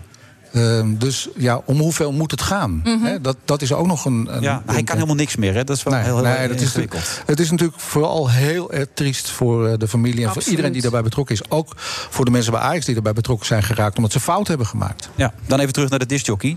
Dat Oh, voel je nog steeds, toch? Of niet? Ja, zeker. Dat blijf je ook altijd voelen. Dan las ik een adformatie, een, een, een, een column gisteren van eh, Ruud, de, Ruud de Lange. Heb je dat gelezen of niet? Ja, dat is een jongen die hier vroeg bij Talpa heeft gewerkt. En Ja. een aantal campagnes op zijn naam heeft staan voor 538. Die eh, overigens vol- volgens mij volledig mislukt zijn. Ja.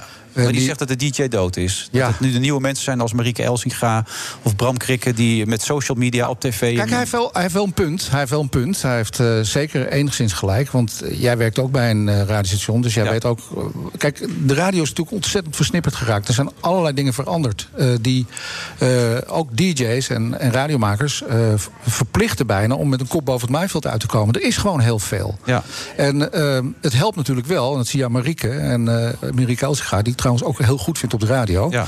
Dat, doordat zij er dingen naast doet, als televisie, geldt trouwens ook voor jou, kun je ook meer luisteraars trekken. En als je op social media actief bent en, eh, en je weet eh, het publiek ook daar aan je te binden, Bram Krikken, dan. dan Maar de traditionele DJ, zegt hij, bestaat niet meer. nou, dat vind ik echt klaar. Dat maar vind dat ik is onzin. onzin. Maar dat is onzin. Ja. Dat is echt onzin. Want ook al wordt de muziek nu anders geconsumeerd, hè, want je hebt natuurlijk Spotify, allerlei streamingdiensten.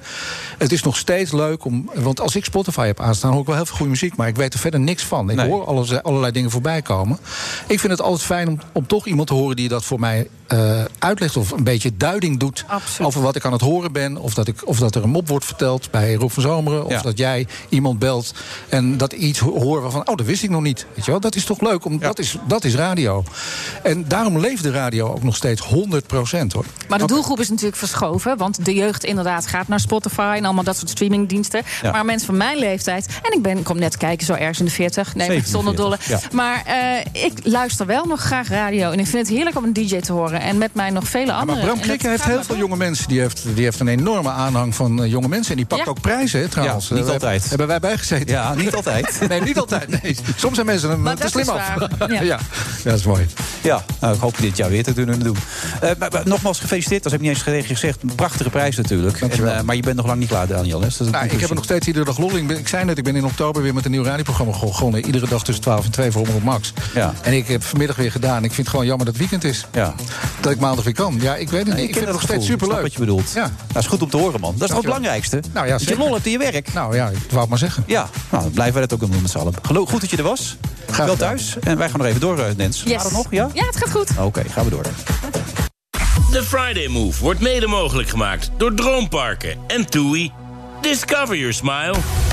BNR Nieuwsradio. The Friday Move. Met dit besluit van vandaag wil het kabinet recht doen aan al die ouders aan wie ongekend onrecht is aangedaan. Voor mij is het veel meer dan een symbolisch moment. Het is echt het verantwoordelijkheid nemen. Wilfred Genee. Nens Kool is tot half zeven. Oh shit, staat er weer. Sorry. Nens is tot half zeven mijn co-host. Haar nieuwste programma Helder van Nu zet ze mensen mee in het zonnetje. En het hele kabinet treedt af vanwege de toeslagenaffaire. En VVD-Kamerlid Sven Koopmans, hij vertelt er alles over.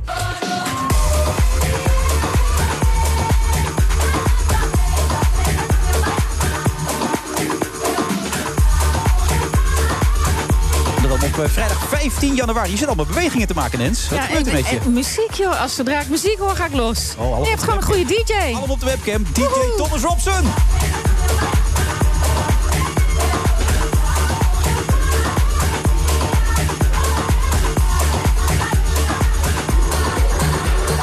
Maar, maar Zou je dat ook niet meer op tv kunnen laten zien? Die lekkere moves van je enzovoort als je aan het presenteren bent. Wat meer losheid erin nog? Absoluut. Gaat dat gebeuren?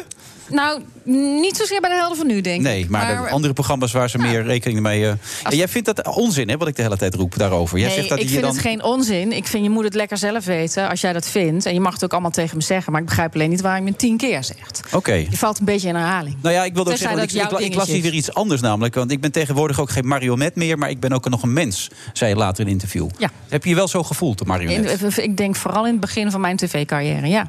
Maar hoe merkte je dat dan? Waar kwam dat door? Nou dan? ja, omdat je dan, maar goed, eh, daar ga jij nu tegenspreken. Maar omdat je dan, eh, je hebt natuurlijk een aantal mensen die zie je als voorbeeld. Ja, zoals? Nou, bijvoorbeeld een Linda, om maar eens een naam te noemen, waar Ja. ik als kind heel vaak naar keek.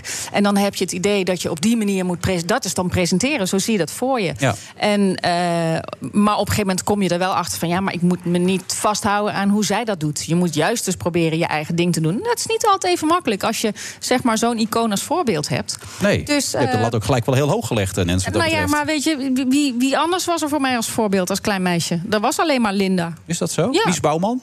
Nee, dat was voor mijn tijd. Ja, was dat weer voor jouw Ja, tijd? dat keek ik wel echt als super duper klein meisje. Met mijn ouders zag ik Mies wel eens, maar dat was toen nog niet. eh, Anita Witsier? Nee, ook niet echt. Nee? Sonja wat ik trouwens eh, wel een fantastische eh, presentatrice vind hoor. Ja, toch? Anita. Ja, maar Anita is ook gewoon zichzelf. En eh, be- betrouwbaar en prettig om naar te kijken en eerlijk. En natuurlijk, Anita heeft ook absoluut humor. Ja. Maar ik heb nog niet echt een programma kunnen presenteren waar, waar ik mijn humor in, in los kan gooien. Dat moet gezocht worden, zo snel mogelijk. Ja. Absoluut, we gaan erover nadenken. Oké. Sven Koopmans, we hoorden je even ertussendoor klinken. Zo, enzovoort. Je noemde Sonja Barend. Ja? Sonja voor Barend, Tineke had ik ook kunnen noemen. Ja, maar dat zijn echt eh, eh, van die fantastische talkshow-dames. eh, en met name Sonja, nou dan noem je wel iemand op. Nou, degene die dat kan evenaren is geloof ik even Jinek. En dan zijn we er wel. Ja, ik vond het altijd heel gezellig als ik, toen ik klein was in ieder geval. Nou ja, ik ook. Want ik keek wel mee, inderdaad. Maar Sonja was echt niet Jullie zijn precies niet- even oud trouwens, hè? Wist Ja, je dat? ja, dat heb ik hetzelfde net, bouwjaar. ontdekt, ja. Je zou het niet zeggen als je naar Nens kijkt. Nou, ik heb net tegen Sven gezegd, wij zijn even jong. Hoe mooi is dat? Nou ja, dat is fantastisch. Sven, voordat we het over het val van het kabinet gaan hebben... Het, het ging net even over dat je jezelf moet zijn... en dat je dan uiteindelijk probeert een rol te vinden... waarin je jezelf gelukkig voelt. Eh, jij was niet heel gelukkig hè, de afgelopen jaren, neem ik aan. Jawel, nee, het is hartstikke Nee, mooi om Kamerlid te zijn. Dat is fantastisch. Eh, Je was diplomaat ervoor, vond je veel fijner, toch? nee, dat vind ik ook heel mooi. En ik ga het nu weer naar terug. Wat Want bedoel ik dus, je vond het niks, die politiek, toch? Nee, politiek is fantastisch. Kijk, daar zitten mensen waar je naar kan kijken... en dan zeg je, nou, eh, hoe die dat doet, dat is echt briljant. Zoals? Eh, Mark Rutte. Mark Rutte. Ja. Eh, ja. Alles glijdt van hem af. Nee, hele, van, eh, hele grote bewondering. Dat je het tien jaar volhoudt. Ja. En dat je ook, zoals vandaag, hè, op, naar zulke afschuwelijke dingen... als die toeslagenaffaire, dat je dan ook verantwoordelijkheid neemt. Collectief, heel rustig. Het kon toch niet anders, Sven?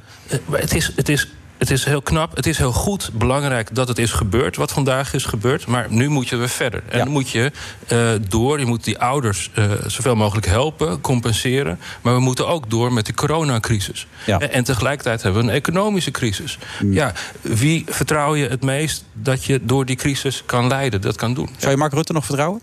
Absoluut. Als VVD moet je dat zeggen, hè? Nou, je, hebt, je hebt het wel doorgekregen in die paar jaar dat je er hebt gezeten, toch? Nee, ik ben heel bewust bij de VVD gegaan, Ja. omdat ik Mark Rutte zag. Ja, eigenlijk zou je ook tegen- kunnen zeggen dat hij tactisch sterk is. En wat hij nu doet. Nu eh, is het even in het middelpunt van de aandacht. Hè. De toeslagenaffaire, ze stappen op. Over een paar weken weet niemand dat meer, wat ik net al zei. En dan kan de VVD weer keihard toeslaan en weer scoren, toch? Nee, ik denk dat je onrecht doet aan, aan de ernst van, van de zaak. Weet je dat, waar echt- dat ook komt? Ik heb net Mark Rutte gezien en ik merk geen emotie. Ik voel niks. Ik geloof het niet. Kun je dat voorstellen? Nou, ik geloof het wel. Kijk, er is echt ongekend onrecht gedaan aan mensen. En dat is verschrikkelijk. Eh, en het gaat er nu vooral om om die mensen te helpen. Eh, en om ook verantwoordelijkheid ja, te maar nemen. ik kon niet garanderen dat voor 1 mei iedereen zijn geld had. Van die dan is, het, 30.000 dan is het een stap. Het is echt een stap om dan als kabinet te zeggen... we houden ermee op. Maar tegelijkertijd moet Mark Rutte iedere dag... Die coronacrisis beheersen en proberen... Zo snel mogelijk die vaccins te krijgen. Iedereen weer beter te maken. Tegelijkertijd hebben we een economische crisis. Wij kunnen hier praten, maar er zitten heel veel mensen thuis... die nu hun bedrijf niet kunnen openen. Heel veel mensen die geen baan hebben. Er zijn mensen die bang zijn dat ze ziek worden. Of die, hebben, die kennen mensen die zijn zelf ziek. Daar moet je ook doorheen. En ja, daar moet je wel een leider hebben waar, eh, die, die daar allemaal oog voor heeft. Ja, dat is Mark Rutte, hoor ik wel. en daarom ga je ook weer de politiek uit, toch? Ik, ik ga de politiek uit eh, omdat ik hoop dat ik in de diplomatie, waar ik vroeger in zat, de wapenstilstanden sluiten in de Sahara en eh eh, armpje drukken met, met dictators in, in Zuid-Amerika, dat ik daar mooie dingen kan doen. Ja, meer kan bewerkstelligen dan wat je nu hebt kunnen doen. Daar kwam het op neer. Nou, ik heb hier mooie dingen gedaan, maar ja, je moet altijd kiezen. in het regeerakkoord heb je gekregen. Nou, het bestrijden van ja, hoor. Nou ja, goed, het bestrijden daarvan. Maar ik bedoel, ik wil hem aan te geven. Wat ik ook steeds lees in interviews met je die je geeft, is dat je vindt dat er zijn zoveel moties. Er gebeurt zoveel dingen om niets, weet je wel. Die, die blok moet maar steeds naar de Kamer komen om zich de domste dingen te gaan verantwoorden. Je werd er een beetje moe van. Ja, kijk, als ik zie dat er iemand van een andere partij Kamervragen stelt over het censureren van een stripboek in Brazilië. En dan vraagt: kan de regering daar zo snel mogelijk iets aan doen? Of een ik, boswachter aanhaalt. Ja, het lot van de Roemeense boswachter. eh, en eh, kunnen we meteen een debat hebben over, eh, nou ja, weet ik veel, dat het kapitool is bestormd. Moeten we in de Tweede Kamer bestormen, bespreken. Ja. Het gaat mij om Nederland veilig houden. We hebben een enorme technologische revolutie. Hè, En China wordt machtiger. Willen we dan nog meer moties hebben over dat we boos zijn op Burundi?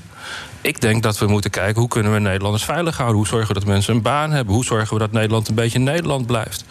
Dat lijkt mij belangrijk. En dat kun je beter doen als diplomaten dan als in de Kamer zitten. Nee, dat moeten we met z'n allen doen. Dat is ook iets voor, voor, voor jou en voor mij en voor Nens. Hè, maar iedereen heeft z- zijn rol. En jij bent een kritische journalist. Oké, dus vraag niet wat jij voor je land kan doen, maar wat, wat jij voor, eh, vraag niet wat het land voor jou kan doen, maar wat jij voor je land kan doen. Een beetje. En waar je, waar je Vanaf Kennedy. het meeste resultaten kan bereiken. Nou, en ik eh, heb een mooie dingen gedaan, eh, als ik het mag zeggen, eh, in de Kamer. Maar binnen mijn beperkingen. Dat mag je zeggen hoor hier. Nee, maar binnen mijn beperkingen. En ik denk, ja, met, binnen de tijd die we hebben in het leven... moet je daar gaan zitten waar je het meeste resultaat kan bereiken. En ik ben niet van het commentaar leveren op de hele wereld. We waarschuwen China nog voor de laatste keer.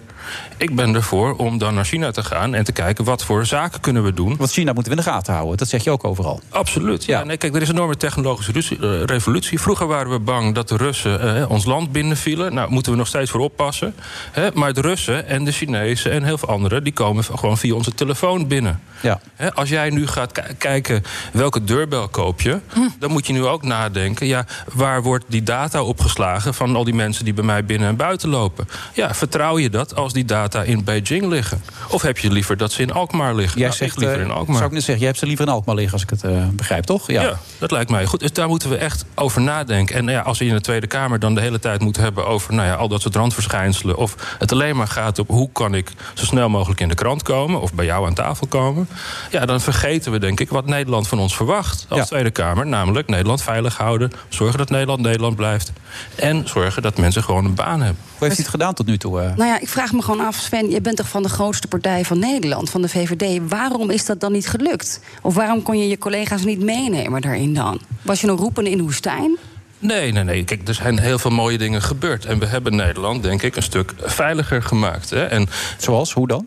Nou, door meer te investeren in defensie. Maar ja, daar moet je bijvoorbeeld ook steeds weer die andere partijen over, van overtuigen. Ja, meekrijgen. Ja. Maar ik wil het in de Tweede Kamer ook hebben over die technologische re- revolutie waar ik het over had. Ja, Stel, En dan moeten we oppassen dat we niet te ethisch zijn, want voor het weet zijn we dood, bij wijze van. Ja, nee, kijk, je kan wel zeggen, wij mogen allemaal dingen niet. Hè. Met met de drones vechten mogen we niet doen, want het is niet ethisch. Maar ja, als wij het niet doen, maar de Russen wel... Ja. dan zijn we super ethisch, maar dan zijn we ook dood. Maar vind jij in Den Haag naïef? Ik vind niet daarna geheel naïef, maar ik heb discussies in de Tweede Kamer waar ik mee moet. Eh, moeten we nog een motie hebben over China, nog een motie over Saudi-Arabië? Eh, terwijl ik denk, ja. Als we kunnen super boos zijn op Saudi-Arabië, dan kunnen we twintig moties over, over hebben dat die kroonprins eh, afschuwelijke dingen doet. Ja.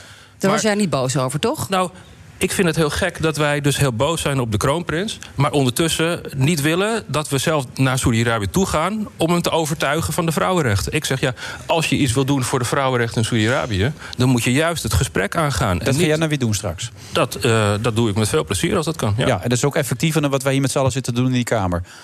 Nee, kijk, in de Kamer wordt hard gevochten door iedereen. En vanuit verschillende We hebben ideeën. zelfs een interruptiemicrofoon. Dat heb je niet in veel systemen, toch, begreep ik? Nee, dat is, eh, dat is eh, zeldzaam. En, kijk, en dan zie je dus ook wat er gebeurt, het spel. Hè. Er staat een hele dag zijn we aan het debatteren. Gisteren was er een debat. Ik presenteerde dit eh, boek. Hè. Ja. Eh, Koopman, dominee, generaal. Gaan we het zo nog even over hebben, ja? En eh, nou, Bram van Ooyek van GroenLinks heeft hele andere ideeën... maar is een super aardige man. Die had ik uitgenodigd voor de boekpresentatie... met Stef Blok, de minister.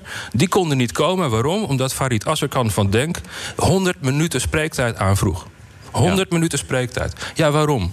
Ja, om aandacht te krijgen. Niet omdat hij nou 100 minuten een extra mening heeft die we nog nooit hebben gehoord. Nou, Sven, het ging over de buitenlandse financiering van moskeeën. Dat is toch belangrijker dan jouw boek? Dat, is, dat is super belangrijk en daarom ben ik ook heel blij dat het debat er is. Maar dan moet je het wel volgens de regels spelen. Hè. En mijn eh, hele goede collega Bente Becker die heeft daar ook hele goede dingen gezegd. Die heeft hele concrete plannen neergelegd. Die wil aandacht krijgen voor het onderwerp door plannen neer te leggen. En niet door eindeloos te spreken. Laten we elkaar wel serieus nemen en we moeten het ook wel het land eh, een stukje veiliger maken. Je bent er helemaal klaar mee. Nee, ik vind het hartstikke mooi, de Tweede Kamer. Maar je moet kijken waar je het meeste kan doen. Ja, maar waarom verschuilt ons parlement zich achter identiteitspolitiek en permanente motregen van moties? Vond ik een mooie omschrijving trouwens, zoals je dat had gezegd in een interview. Dat Ja, geeft dat- toch wel aan dat het wel klaar is voor jou. Dat is toch gewoon wat je zegt dan. Nee, kijk, ik heb een boek en dat is eh, bedoeld om eh, een beetje kritisch, maar ook heel vriendelijk en constructief te zijn. Ik heb eh, hopelijk een, een, een boodschap van, nou, zo kan het eh, beter. Maar, Maar wat is de kern van jouw boodschap als je het boek dan mag samenvatten? Kijk, in het buitenlandbeleid hebben we het heel vaak over: zijn we nou koopman of zijn we nou dominee? Ja. En ik zeg, ja, dat is een hele makkelijke discussie in de oase die Nederland is, omdat de vijand heel ver weg lijkt. Maar de vijand is niet ver weg. Ten eerste, eh, Rusland en anderen eh, die zijn agressief en die zijn vrij dichtbij. Maar eh, het gevaar komt nu gewoon je huiskamer binnen. We moeten ook aan die veiligheid denken. Dus het is alleen maar als je de generaal ook in het verhaal houdt. Hè, dat je serieuze buitenlandpolitiek kan hebben. Laten we niet alleen maar de dominees zijn, het opgeven vingertje. We moeten ook niet alleen maar denken aan geld. Is belangrijk, maar niet alleen maar denken aan geld. Je moet ook denken aan de veiligheid van Nederlanders, van Nederland. En we moeten ook durven opkomen voor het nationaal belang. Want als wij denken, ja, wij moeten niet zo hard zijn voor, voor, voor de anderen.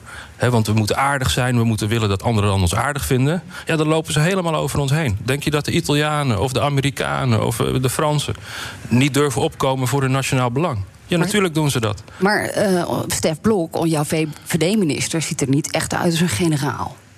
Nee, maar je moet al die rollen hebben, maar je moet wel de veiligheid voorop zetten. Ik zeg in mijn boek.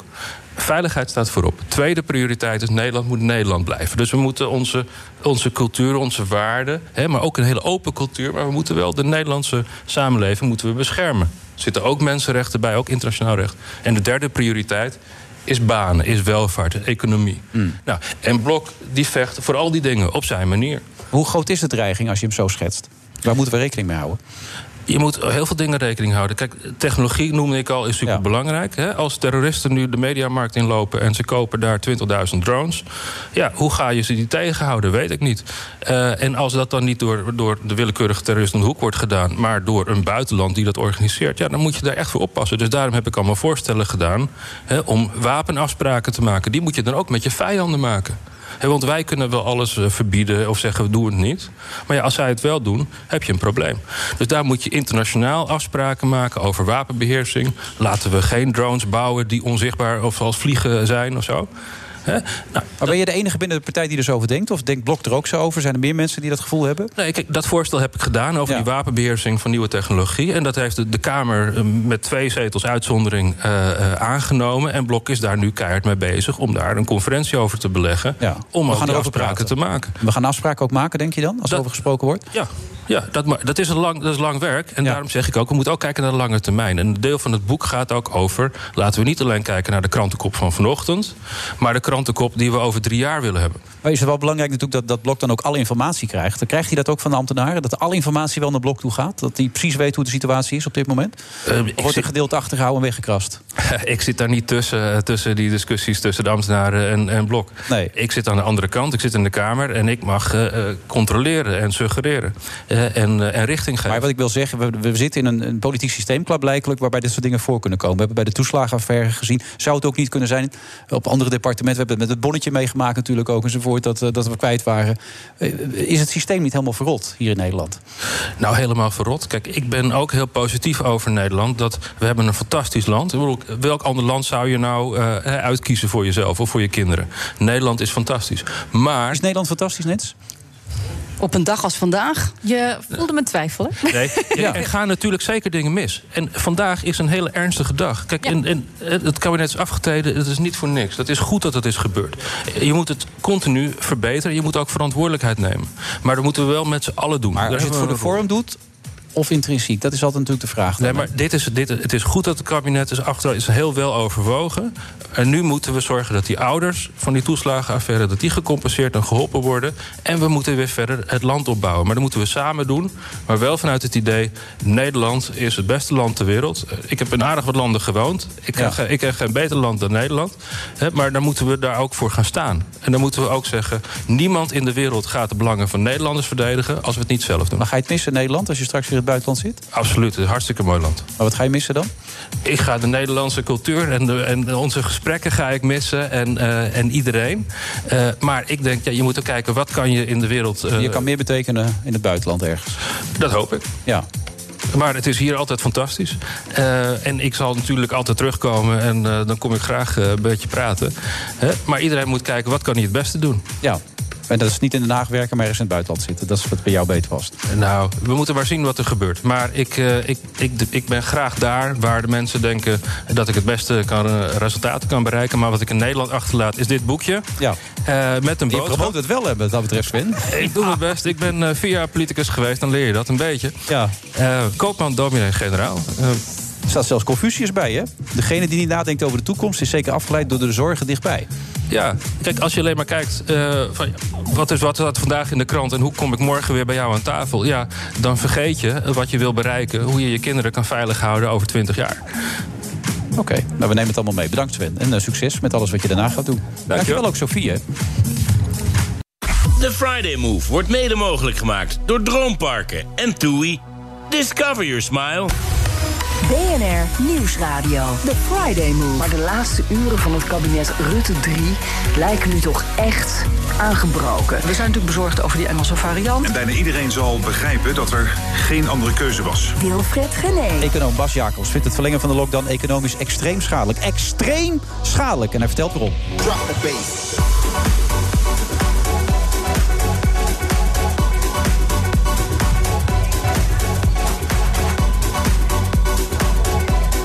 En Nens is er ook nog steeds. En toen ik je net even vroeg naar je politieke voorkeur... toen schrok je een beetje. Dat wil je liever niet bekendmaken. Nou, omdat ik me altijd zo'n twijfelaar ben. En echt zo'n soort last-minute stemmer. Wat heb je de laatste keer gestemd dan?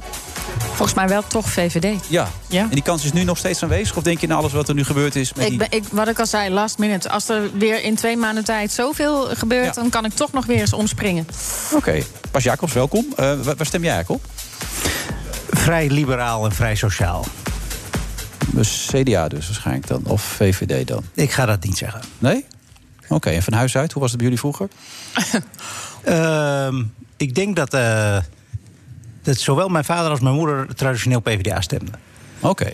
Maar mijn vader kwam uit een middenstandsgezin, mijn moeder uit een echt arbeidersgezin. Maar dat heb je inmiddels verlaten. Dat, die achterban, zeg maar. ja, nou ja, liberaal, Ja, ik zit natuurlijk hier in de Amsterdamse grachtengordel... tussen Ja, allemaal wijndrinkende ja, daar hoor jij bij nu, Dus dan, dan, eh, Ja. dan eh, nou, ik kan het wel raden. hè. Hoogleraar Economie en Overheidsfinanciën aan de Erasmus Universiteit Rotterdam. Eh, Maar belangrijker is natuurlijk dat je zegt... ehm, deze maatregelen niet goed. Waarom niet goed? Nee, ik heb iets anders gezegd. Ik heb gewoon een, een, een, een vaststelling gedaan dat Ja, maatregelen als lockdown, is bot. lockdowns eh, heel schadelijk zijn. En dat we duidelijk zien dat mensen die eh, in de eerste golf nog wel erg voorzichtig waren en bang waren eh, om naar buiten te gaan, dat nu minder zijn. En dat het dus steeds moeilijker wordt om met harde lockdown-maatregelen mensen in hun huis te krijgen en in hun hok. Ja. En dat het dus ook moeilijker wordt om het virus op die manier onder controle te houden. Nou, het is ook niet effectief meer, zeg je toch? Het middel is te bot geworden om nog überhaupt... Dat heb ik niet gezegd. Nou, dan ga ik het voor je opzoeken zometeen. Want waar gaan we het nou toch allemaal over hebben, zeg? Ik had die ik heb laatst alleen ik gezegd had die dat dat Teulings, zeer- kostbaar is. Ja, die Koen Teulings, die, zat ook, die zit in hetzelfde collectief, zeg maar, NL Herstel van waar jij in zit, toch? Jullie zijn met z'n allen een soort beweging begonnen, toch? Eh, wij maken deel uit van groep Herstel NL. En we bepleiten een gedifferentieerder aan voor corona. Dat we meer kijken naar welke mensen hebben nou grote risico's om daar eh, erg ziek eh, van te worden of zelfs dood te gaan. En welke mensen niet. Beter je beleid differentiëren om je doelen te halen. Om die besmetting onder controle te houden. Als je de, de kwetsbaren beter beschermt. En je kan je economische doelen met minder schade bereiken. op het moment dat je dat, eh, meer vrijheden laat aan de mensen die eh, minder kwetsbaar zijn. Maar je hebt dus niet gezegd het instrument lockdown is bot geworden. De huidige maatregelen zorgen nog meer voor grotere schade. En de effecten zijn verwaarloosbaar. We hebben een nieuwe aanpak nodig. Dat heb je niet gezegd. Dat laatste effecten verwaarloosbaar heb ik niet gezegd. Ik heb wel gezegd dat het instrument botter wordt. absoluut. Ja, maar dat ontken je net. Maar Nee. maar dat wordt een woordspel. Je maakt ook allemaal niet nee, nee, uit. nee, het gaat, er zijn twee dingen die je moet, uit elkaar moet houden. Ja. De eerste is, wat gebeurt er? Eh, dus de vraag wat is. En dan de tweede vraag, wat moet gebeuren? Ja, oké, en de is? normatieve vraag, dat vind ik een ingewikkelder vraag als econoom. Ja. Dan uitleggen van hoe, wat is die uitwerking van die lockdown? Ja, oké, wat is? Dus het is, het is schadelijker geworden. En, eh, eh, dus je moet steeds harder ingrijpen op de economie... om die besmettingen omlaag te krijgen. Dus het wordt kostbaarder. Ja. En dat en er gebeuren dingen. Ik weet niet of je dat ook gezegd hebt, maar ik heb gewoon een artikel zitten lezen waar je een interview had gegeven. Maar dat blijkt eh, fake nieuws hè, vandaag de dag steeds meer. Daar moeten we ook wel rekening mee houden natuurlijk. Dat je niet weet wat allemaal gezegd is of niet natuurlijk allemaal. Maar de, de andere maatregelen, wat je zegt ook, er zullen dingen nu gebeuren die misschien niet meer terug te draaien zijn. Die schade is zo groot. Dat weten we uit andere crisissen. Dat eh, bij die vorige bijvoorbeeld, toen de overheid behoorlijk hard bezuinigde en de belastingen verhoogde, dat daar eh, behoorlijk wat schade aan de economie is eh, veroorzaakt. We zijn in de vorige crisis ongeveer 10% van de economische groei kwijtgeraakt ten opzichte van de trend van voor de crisis. Ja. En eh, die is niet meer teruggekomen. De, het gevaar van nu de economie onder druk zetten, in lockdown brengen of wat dan ook, eh, is dat we nu de economie omlaag brengen, maar dat we niet meer terugkomen bij de trendgroei. En dat we dus niet alleen volgend jaar of dit jaar economische groei kwijtraken, maar dat het jarenlang daarna doorgaat. Ja, dus wat zou nu het beste zijn? Wat moet er gebeuren? Wat is en wat moet? Wat moet?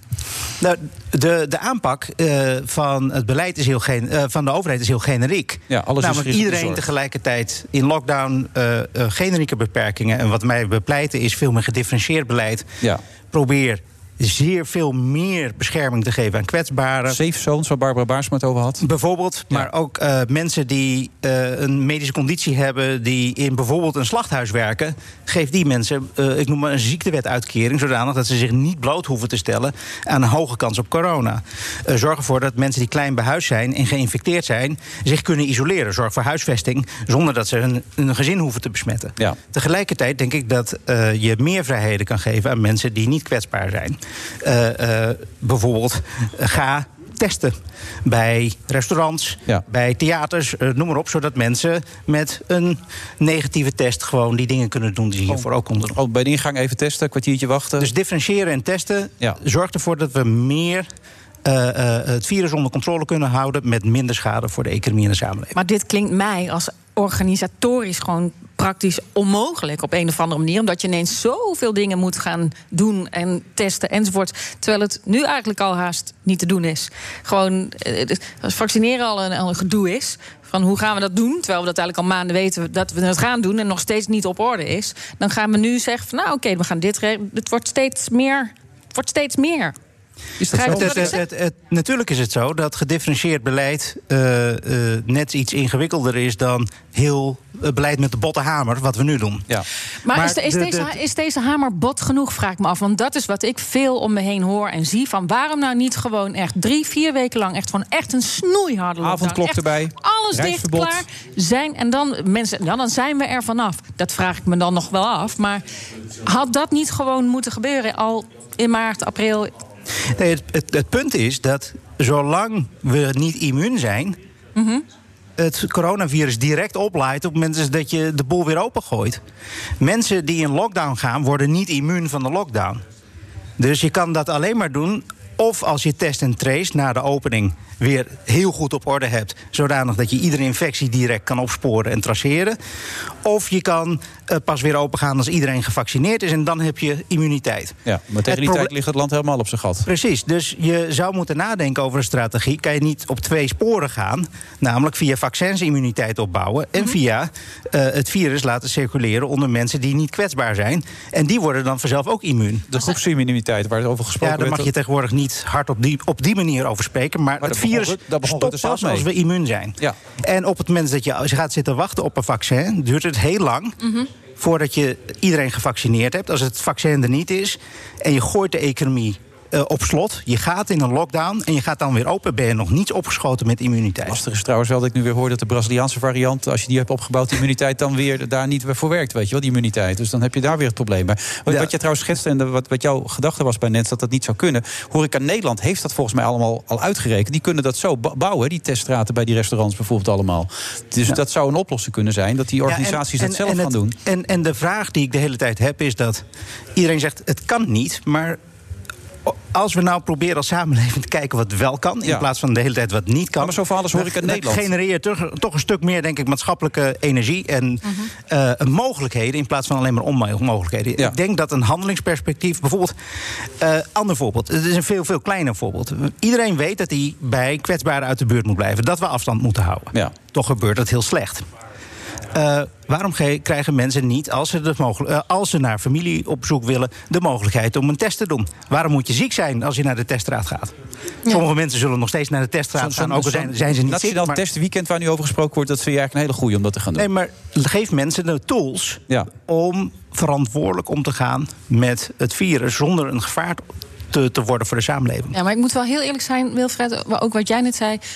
Als ik zeg maar eerst getest moet worden eh, een kwartier voordat ik dan een restaurant in mag. Ik heb er geen enkel moeite mee. Nee, maar om, nee, ik zou dat dus niet doen. Nou ja, er zijn een heleboel nou, mensen die dat wel zouden doen. Er zijn echt een heleboel mensen die heel graag weer naar het theater zouden willen, uit eten zouden willen, eh, grote feesten zouden willen vieren, die absoluut bereid zijn om eerst een kwartiertje van tevoren te wachten op hun test, hun testuitslag, en ook dan ook accepteren dat als ze positief zijn, dat ze weggaan. Dat ze weg er zijn echt een heleboel Nou mensen ja, die dat willen volgens mij. Voor een theater, oké, dat, dat, is zwaar. dat zou ik dan misschien nog wel doen. Maar ik zou niet voor een avondje restaurant twee uurtjes ergens gaan zitten eten laten testen. Dan No. heb je hele slechte avondjes als je in het restaurant zit. Ik kan je Nee, ja, vertellen, maar daar heb ik je, echt wel een half uur voor over om te wachten, als ik eerlijk ben. Nee, hoe leuk ik het ook vind, hè? Niks ten Ja. nadele van de horeca. Want ik, ik, ben, ik ben dol op uit eten gaan. Maar, maar net zoals nu, het afhalen werkt voor mij ook. Dat vind ik prima. Maar ik zou dus niet voor een... Ja, nee, dat Nee, maar het geeft je ook het gevoel dat je weer wat vrijheid terugkrijgt. Want dat zei je in het interview volgens mij ook.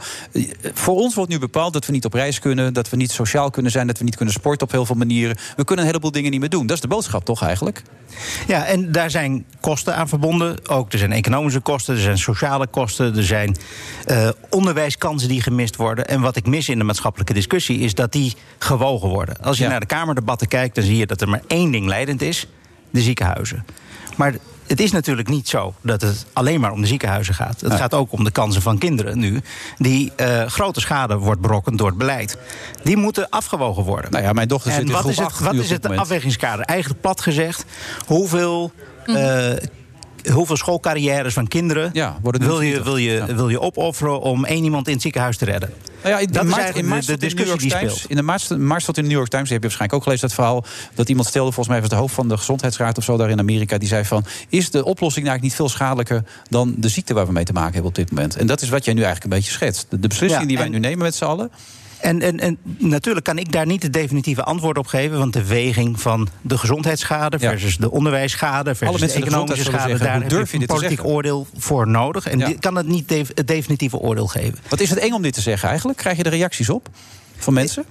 ik krijg heel veel reacties, net als heel veel andere mensen die zich in de coronadiscussie eh begeven. En Ja. dat is eh, eh, soms zeer positief, ook soms zeer negatief. Ja, harder dan ooit hè, is het de tijd waarin we leven, toch? In dat Nee, ik opzicht? heb dit niet zo eerder meegemaakt. Nee. Terwijl je probeert mee te denken, toch, op zo'n moment. Maar het wordt toch genomen. ik probeer een, een, een, nuttige maatschappelijke bijdrage te leveren vanuit eh, mijn wetenschapsgebied, de economie. Ja, herken je dat de boosheid veel groter is geworden de laatste jaren? De lontjes zijn eh, stukken korter, absoluut. Dat, dat voel je en dat merk je aan iedereen en aan alles. En ik vraag me af dat eh, mensen zoals meneer Jacobs... worden jullie echt gehoord? Weet je, word je, word je gehoord Ehm, door de politiek? Ik, ik, ik heb inmiddels een beetje een, een olifantenhuid eh, opgebouwd. In die vorige crisis eh, was ik een van de criticasters van het bezuinigingsbeleid. En er kon niet eh, gepraat worden om dat een beetje rustiger aan te doen. Terwijl ik toch vanaf 2012 heb lopen zeggen: pas nou op, je krijgt een dubbel recessie, een dubbeldepressie. En dat gebeurde ook. Ja. En nu is iedereen het er eens over eens dat dat veel te hard ging, maar toen niet. Nee. Eh, vaak met dit soort politieke eh, en economische discussies is het zo dat op het moment dat je erin zit, heb je het gevoel dat je niet gehoord wordt, maar achteraf eh, zal pas blijken of dat het geval is geweest. Heel vaak is het zo dat mensen met macht wel weten hoe het zit. Eh, dus het heeft niet zoveel zin om eh, eh, to tell truth to power. Power knows already the truth. Het is vaak veel ingewikkelder voor de politiek om een draai te maken op het, op het moment dat het misschien nodig is. Ja.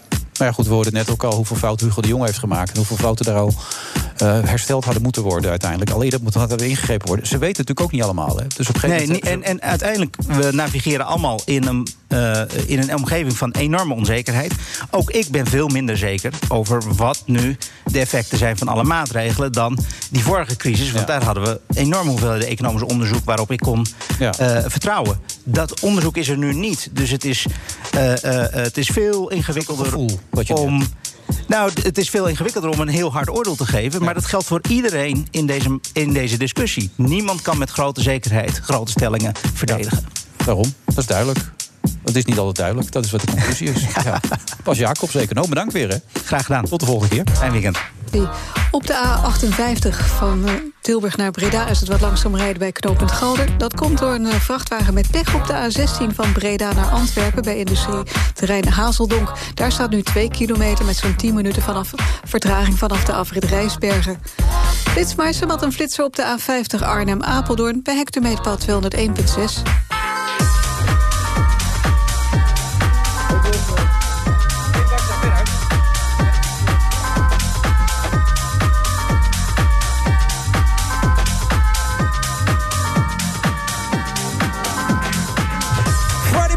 Move, vrijdag eh, 15 januari. We zitten in Dauphine, dat weet u misschien. Maar we kunnen helaas nog geen publiek ontvangen.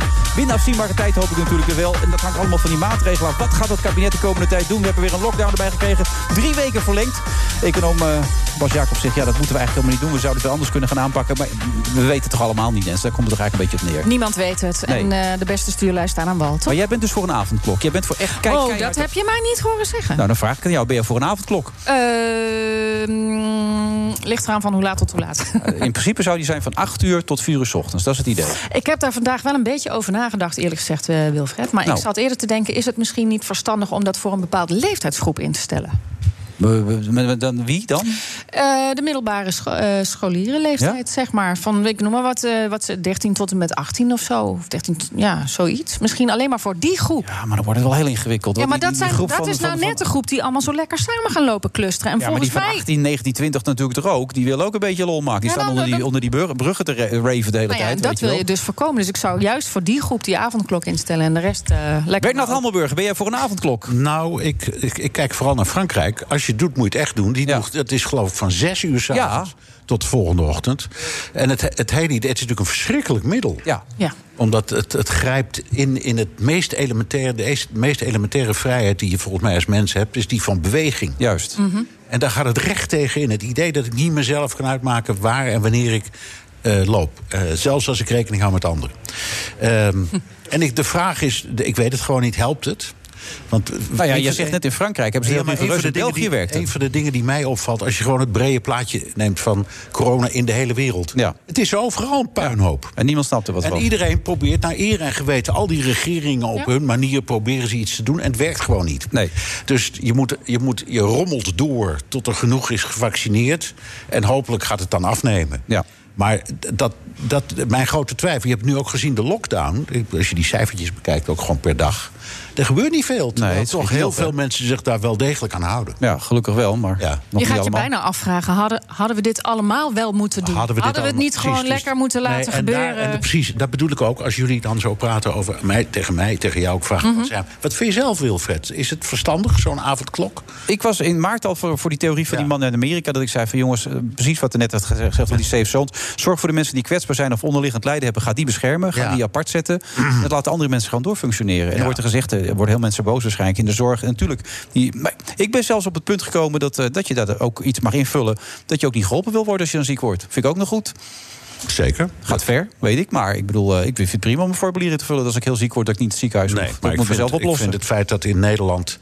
dat is ongelooflijk, geloof ik, in, in, de, in de westerse wereld... het land met de minste IC-capaciteit. En Ja. ook het minste aantal We ziekenhuizen. hebben duizenden bedden weggesaneerd hè, de laatste ja, jaren. en dat is gewoon een kwestie van geld. En dan denk ik, ja, je kunt eh, wel zeggen... bij oudere mensen hoeven we ons wat minder in te spannen. Maar in, in, in, bij die triage, zoals die in Nederland eh, nee, gebeurt... wordt gewoon gezegd, oké, boven de, weet ik veel wat, 73, 74... wij zouden u afraden om, als het nodig is, in de IC te gaan... want dat zou wel eens heel erg voor u kunnen mislopen. En dan denk ik, dit gaat over een grens. Ja. Zeg, in Duitsland en in allerlei andere landen vechten ze zich rot, ook voor een 102-jarige. Dus er zitten aan al die dingen hele moeilijke punten. Ja, absoluut waar. En we komen er ook niet uit met z'n allen. Je zit steeds op je scherm te kijken. Je ziet Nou, allemaal dingen voorbij ja, komen. nee, we gaan natuurlijk eh, we- naar- de, de onvermijdelijke afloop van de afloop van de afloop van het Trump-verhaal praten. Ja, ooit ik van, kijk je even, ja? waar kijk ik nou naar? Er Nou. is het, het laatste nieuws is, het komt net uit de Washington Post, dat ehm, de- er is een discussie in Amerika, die is overal, van zullen we die tweede ehm, dosis vaccine vast vrijgeven? Ja? Ja. En de Washington Post zegt. Die tweede dosis is er helemaal niet. Zo? Echt waar? Dat is echt heel groot. In Amerika dus ook? Ja, precies. dat in soort Amerika. problemen. Het staat nu, komt nu net op dit moment binnen als nieuws, nieuws voor de Washington Post. Dus ze hebben- Dus, ik bedoel, wordt er in Nederland geroepen, we zijn zo laat en eh, we, bakken er niks van. Nou ja, maar... goed, maar dat de Amerikanen het ongeveer het slechtst doen van de hele wereld, dat wisten we al wel. Ja. Maar dit, dit is echt iets waar je de rillingen van krijgt. Ja. En wie wordt erop afgerekend? Wie krijgt dat op zijn brood? Ehm, ja, wie wordt erop afgerekend? Eh, t- eh, t- Trump, want die heeft beloofd dat, of die heeft zegt we overwegen om het allemaal los te laten. En Biden krijgt nu het grote probleem, want die heeft een heel plan gemaakt. Heeft hij gisteren gepresenteerd van.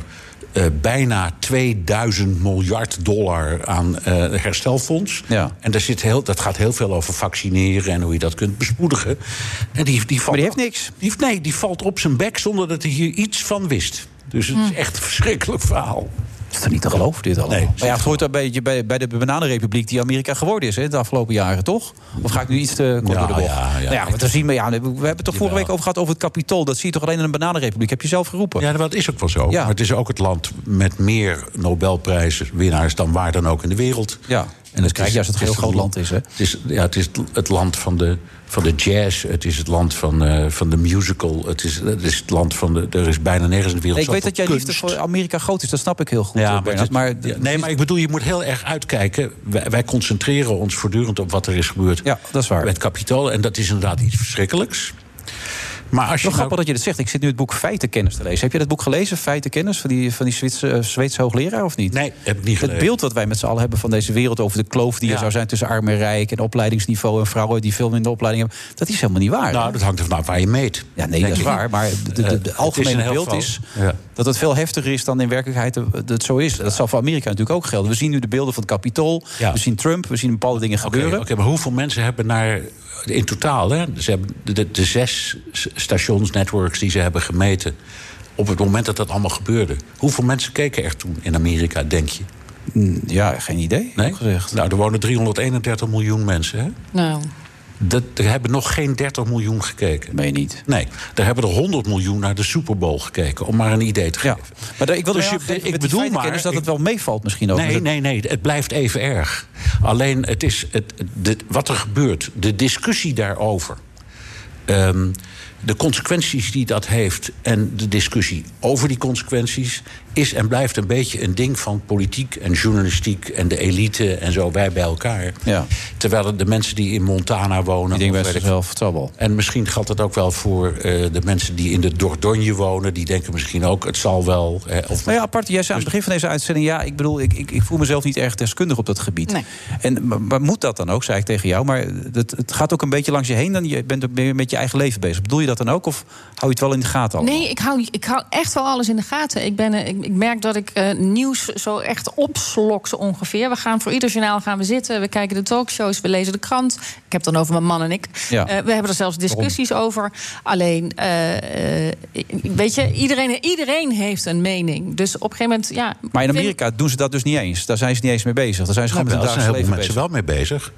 Eh, maar je, je moet gewoon kijken. Ja, er zijn allerlei dingen die, die opvallen. Hè. De helft van het volk heeft op Donald Trump gestemd. En van die helft gelooft nog steeds. Het is dus. Maar van de helft van de mensen die gestemd hebben. Ja, nou ja, oké. Ja, goed. 70 maar miljoen. zeg maar, het is 70 50, miljoen. ongeveer 50-50. Ja. Daar weer de helft van, dus een kwart van de bevolking, was het eigenlijk wel eens met die bestorming van het kapitool. Ja, dat Moet je je voorstellen. Ja.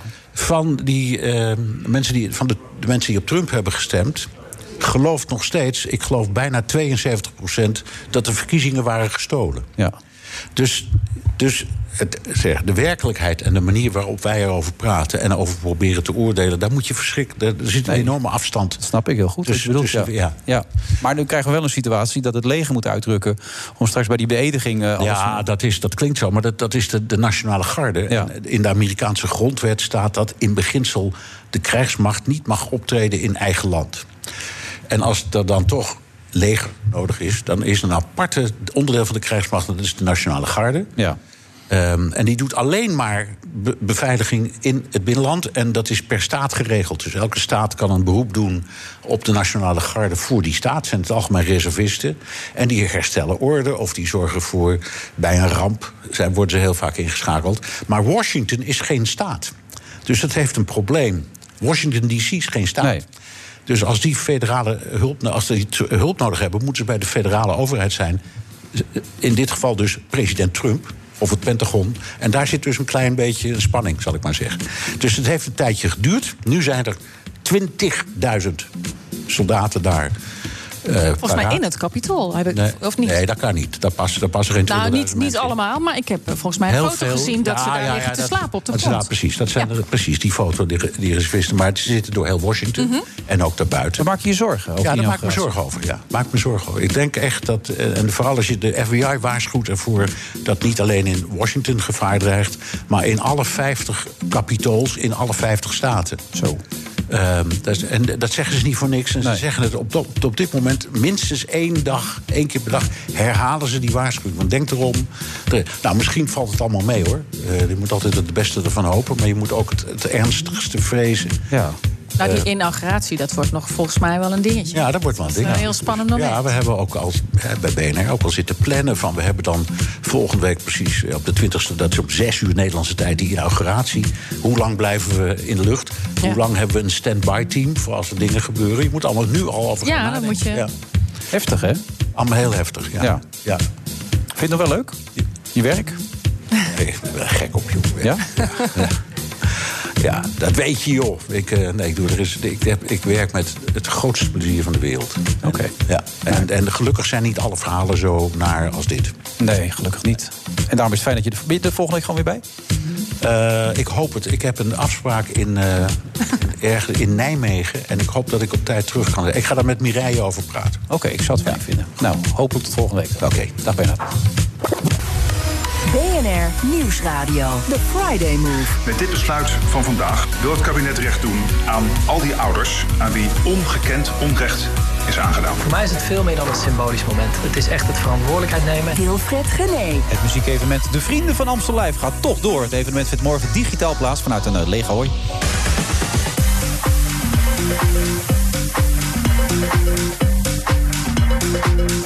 En ik noem het misschien te weinig, maar hij verdient natuurlijk zo'n standbeeld in dit programma. Onze eigen DJ Thomas Robson.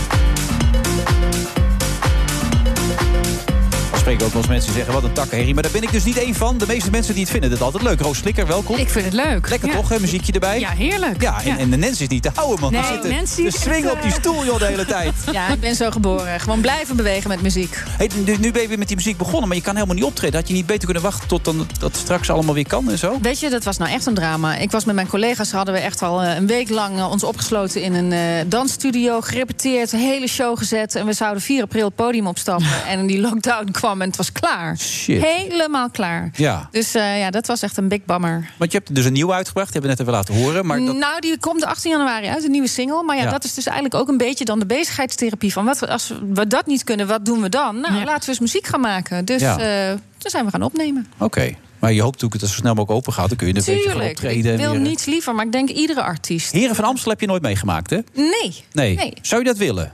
Nou ja, waarom niet? Zou Hartstikke het mogen leuk. eigenlijk? Want hoe werkt dat? Dus Wat is de voor? Ik ga het even vragen. De Paul de Munnik. Paul, eh, goedemiddag. Uh, goeie, ja, goedenavond is het al. Goedemiddag. Goeie, ja, precies avond al, ja. Ja, dat gaat die tijd snel. Wat zijn de voorwaarden eigenlijk überhaupt om mee te mogen spelen bij de Heren van Amstel Live?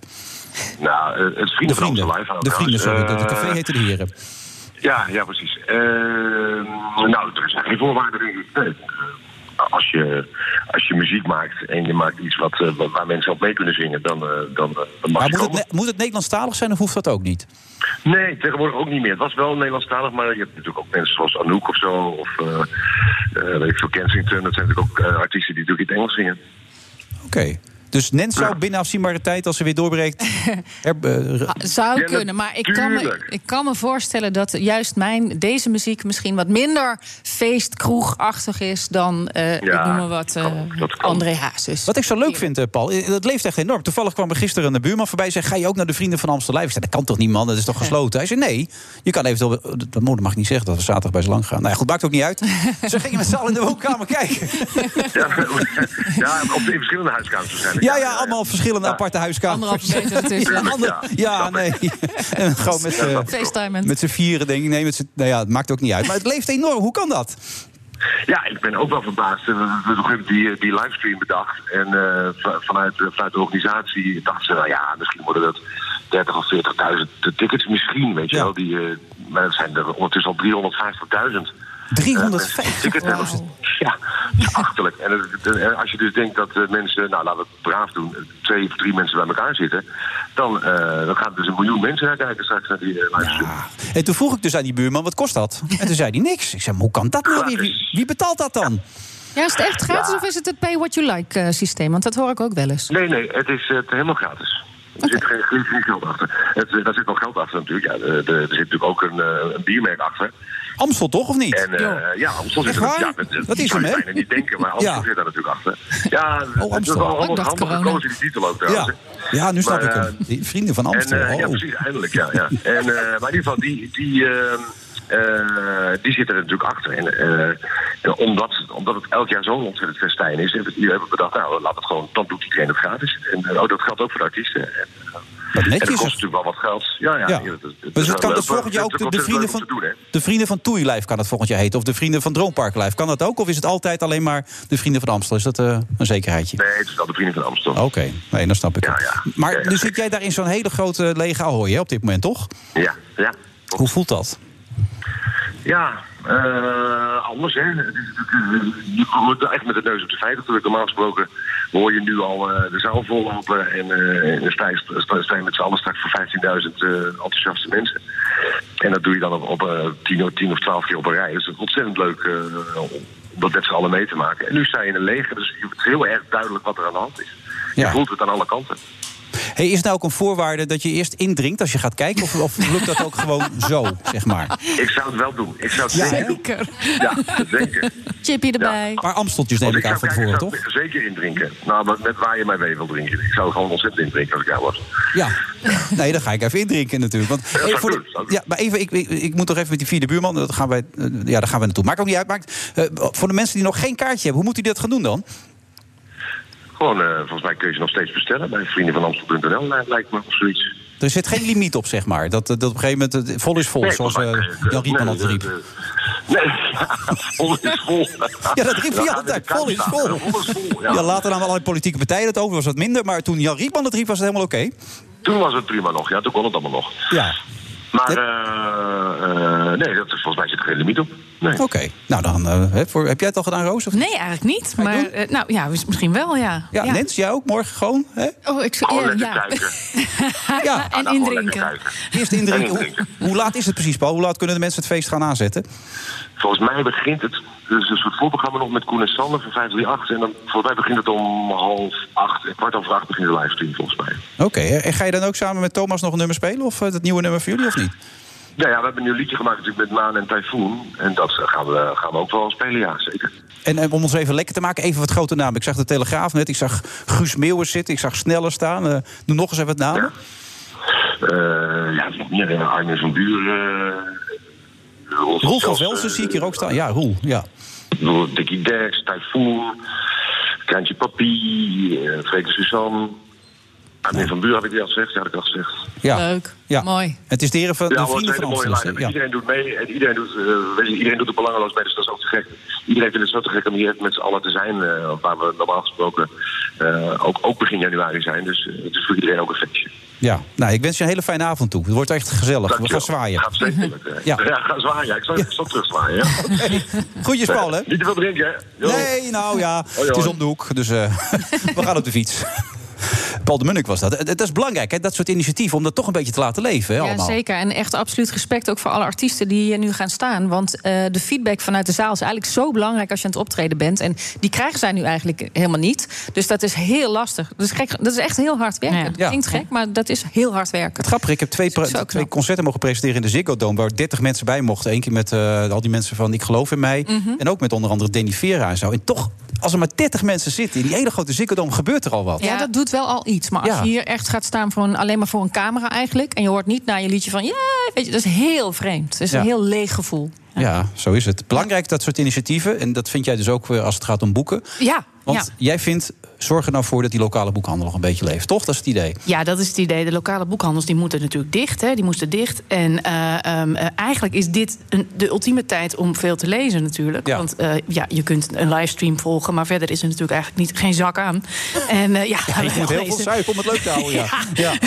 En als je dan toch het zuipen bent... kun je dat net zo goed doen met een Nou, boek trouwens, ik had de vorige keer dat je zat dat je regelmatig zo'n wijntje erin flikkerde. om dat met die kinderen een beetje vol te houden. Dat zei je toen. Ja, dat vertelde je toen. Ja. Ja, ja, jij onthoudt dingen te goed. Hou er eens mee op. Ehm, anyway, ehm, maar goed, het- is een goede tijd om een boek te lezen. Maar we zijn natuurlijk allemaal zo gewend om dan even snel wat te bestellen bij bol.com of Ja. eh, weet ik, Akoop.nl. Of de- die grote de- jongens? Die grote jongens, we kennen Ja. ze. Maar de, de lokale boekhandel, die, die, nou ja, die zuchten daar natuurlijk al jaren onder, ook wel. Maar de charme van de boekhandel is natuurlijk dat je, daar, daar, daar staan mensen die echt heel veel van boeken houden. Ja. Die je ook dingen adviseren buiten de befaamde top 60, zou ik maar zeggen. Waar je misschien nooit aan gedacht had. En ehm, al die boekhandelaren willen dolgraag dit werk blijven doen. Juist. Dat kan ook, want er heel veel van die boekhandels... en dat, daar was ik mezelf eerlijk gezegd ook niet zo van bewust... die hebben gewoon een website. Dus je kunt die, gewoon benaderen en zeggen... ik wil heel graag de nieuwste van, nou, noem eens iemand. En, ehm, Ja, noem eens iemand. ja, nou. Doe eens gek.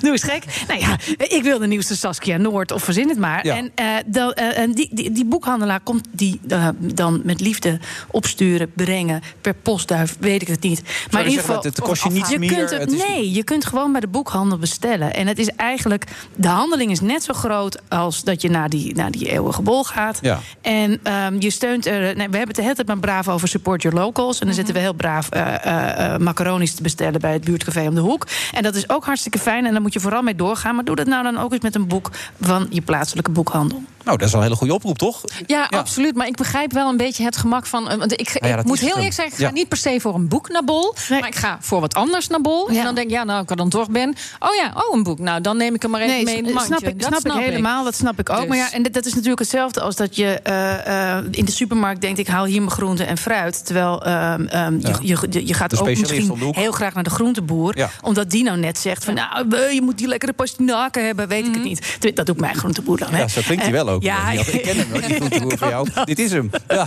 maar, ehm, eh, en je boekhandelaar kan dat ook. En het is natuurlijk, eh, laten we wel wezen... we willen toch niet met z'n allen de kleine middenstand een nek Probeer eens voor te stellen dat dat allemaal mis zou gaan. Hoe, hoe gaat ons landschap er dan uitzien? Dat Nou er geen boekhandel dat- meer te vinden straks is? Geen boekhandel weer te vinden, maar eh, dat geldt dus voor heel veel kleine middenstand. Dus ik, vind, ik ben een groot voorstander van dat je je boodschappen doet bij speciaalzaken. Dus dat je naar de visboer gaat en dat je Ja. naar de kippenboer gaat. Dan weet je waar dit alles vandaan komt.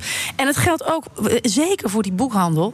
Ehm, en en de boekhandel bij mij in de straat bijvoorbeeld is ook echt wel een plek waar mensen bij elkaar, nu dus niet, maar waar mensen bij elkaar komen. Heel veel boekhandelaren, boekhandels laten lezingen. Ik ben zelf schrijver, dus ik geef ook geregeld lezingen in, in boekhandels. Waar je weer je lezers treft, waar je discussies met elkaar voert. Dat kan Bol niet. Hoe ziet jouw leven er op dit moment eigenlijk uit? eh? Het is afschuwelijk. Ja? Nee. nou ja, ik, ik, ik geef mijn kinderen thuis les. Ja. Dus ik drink heel... Nee, ik drink niet heel veel.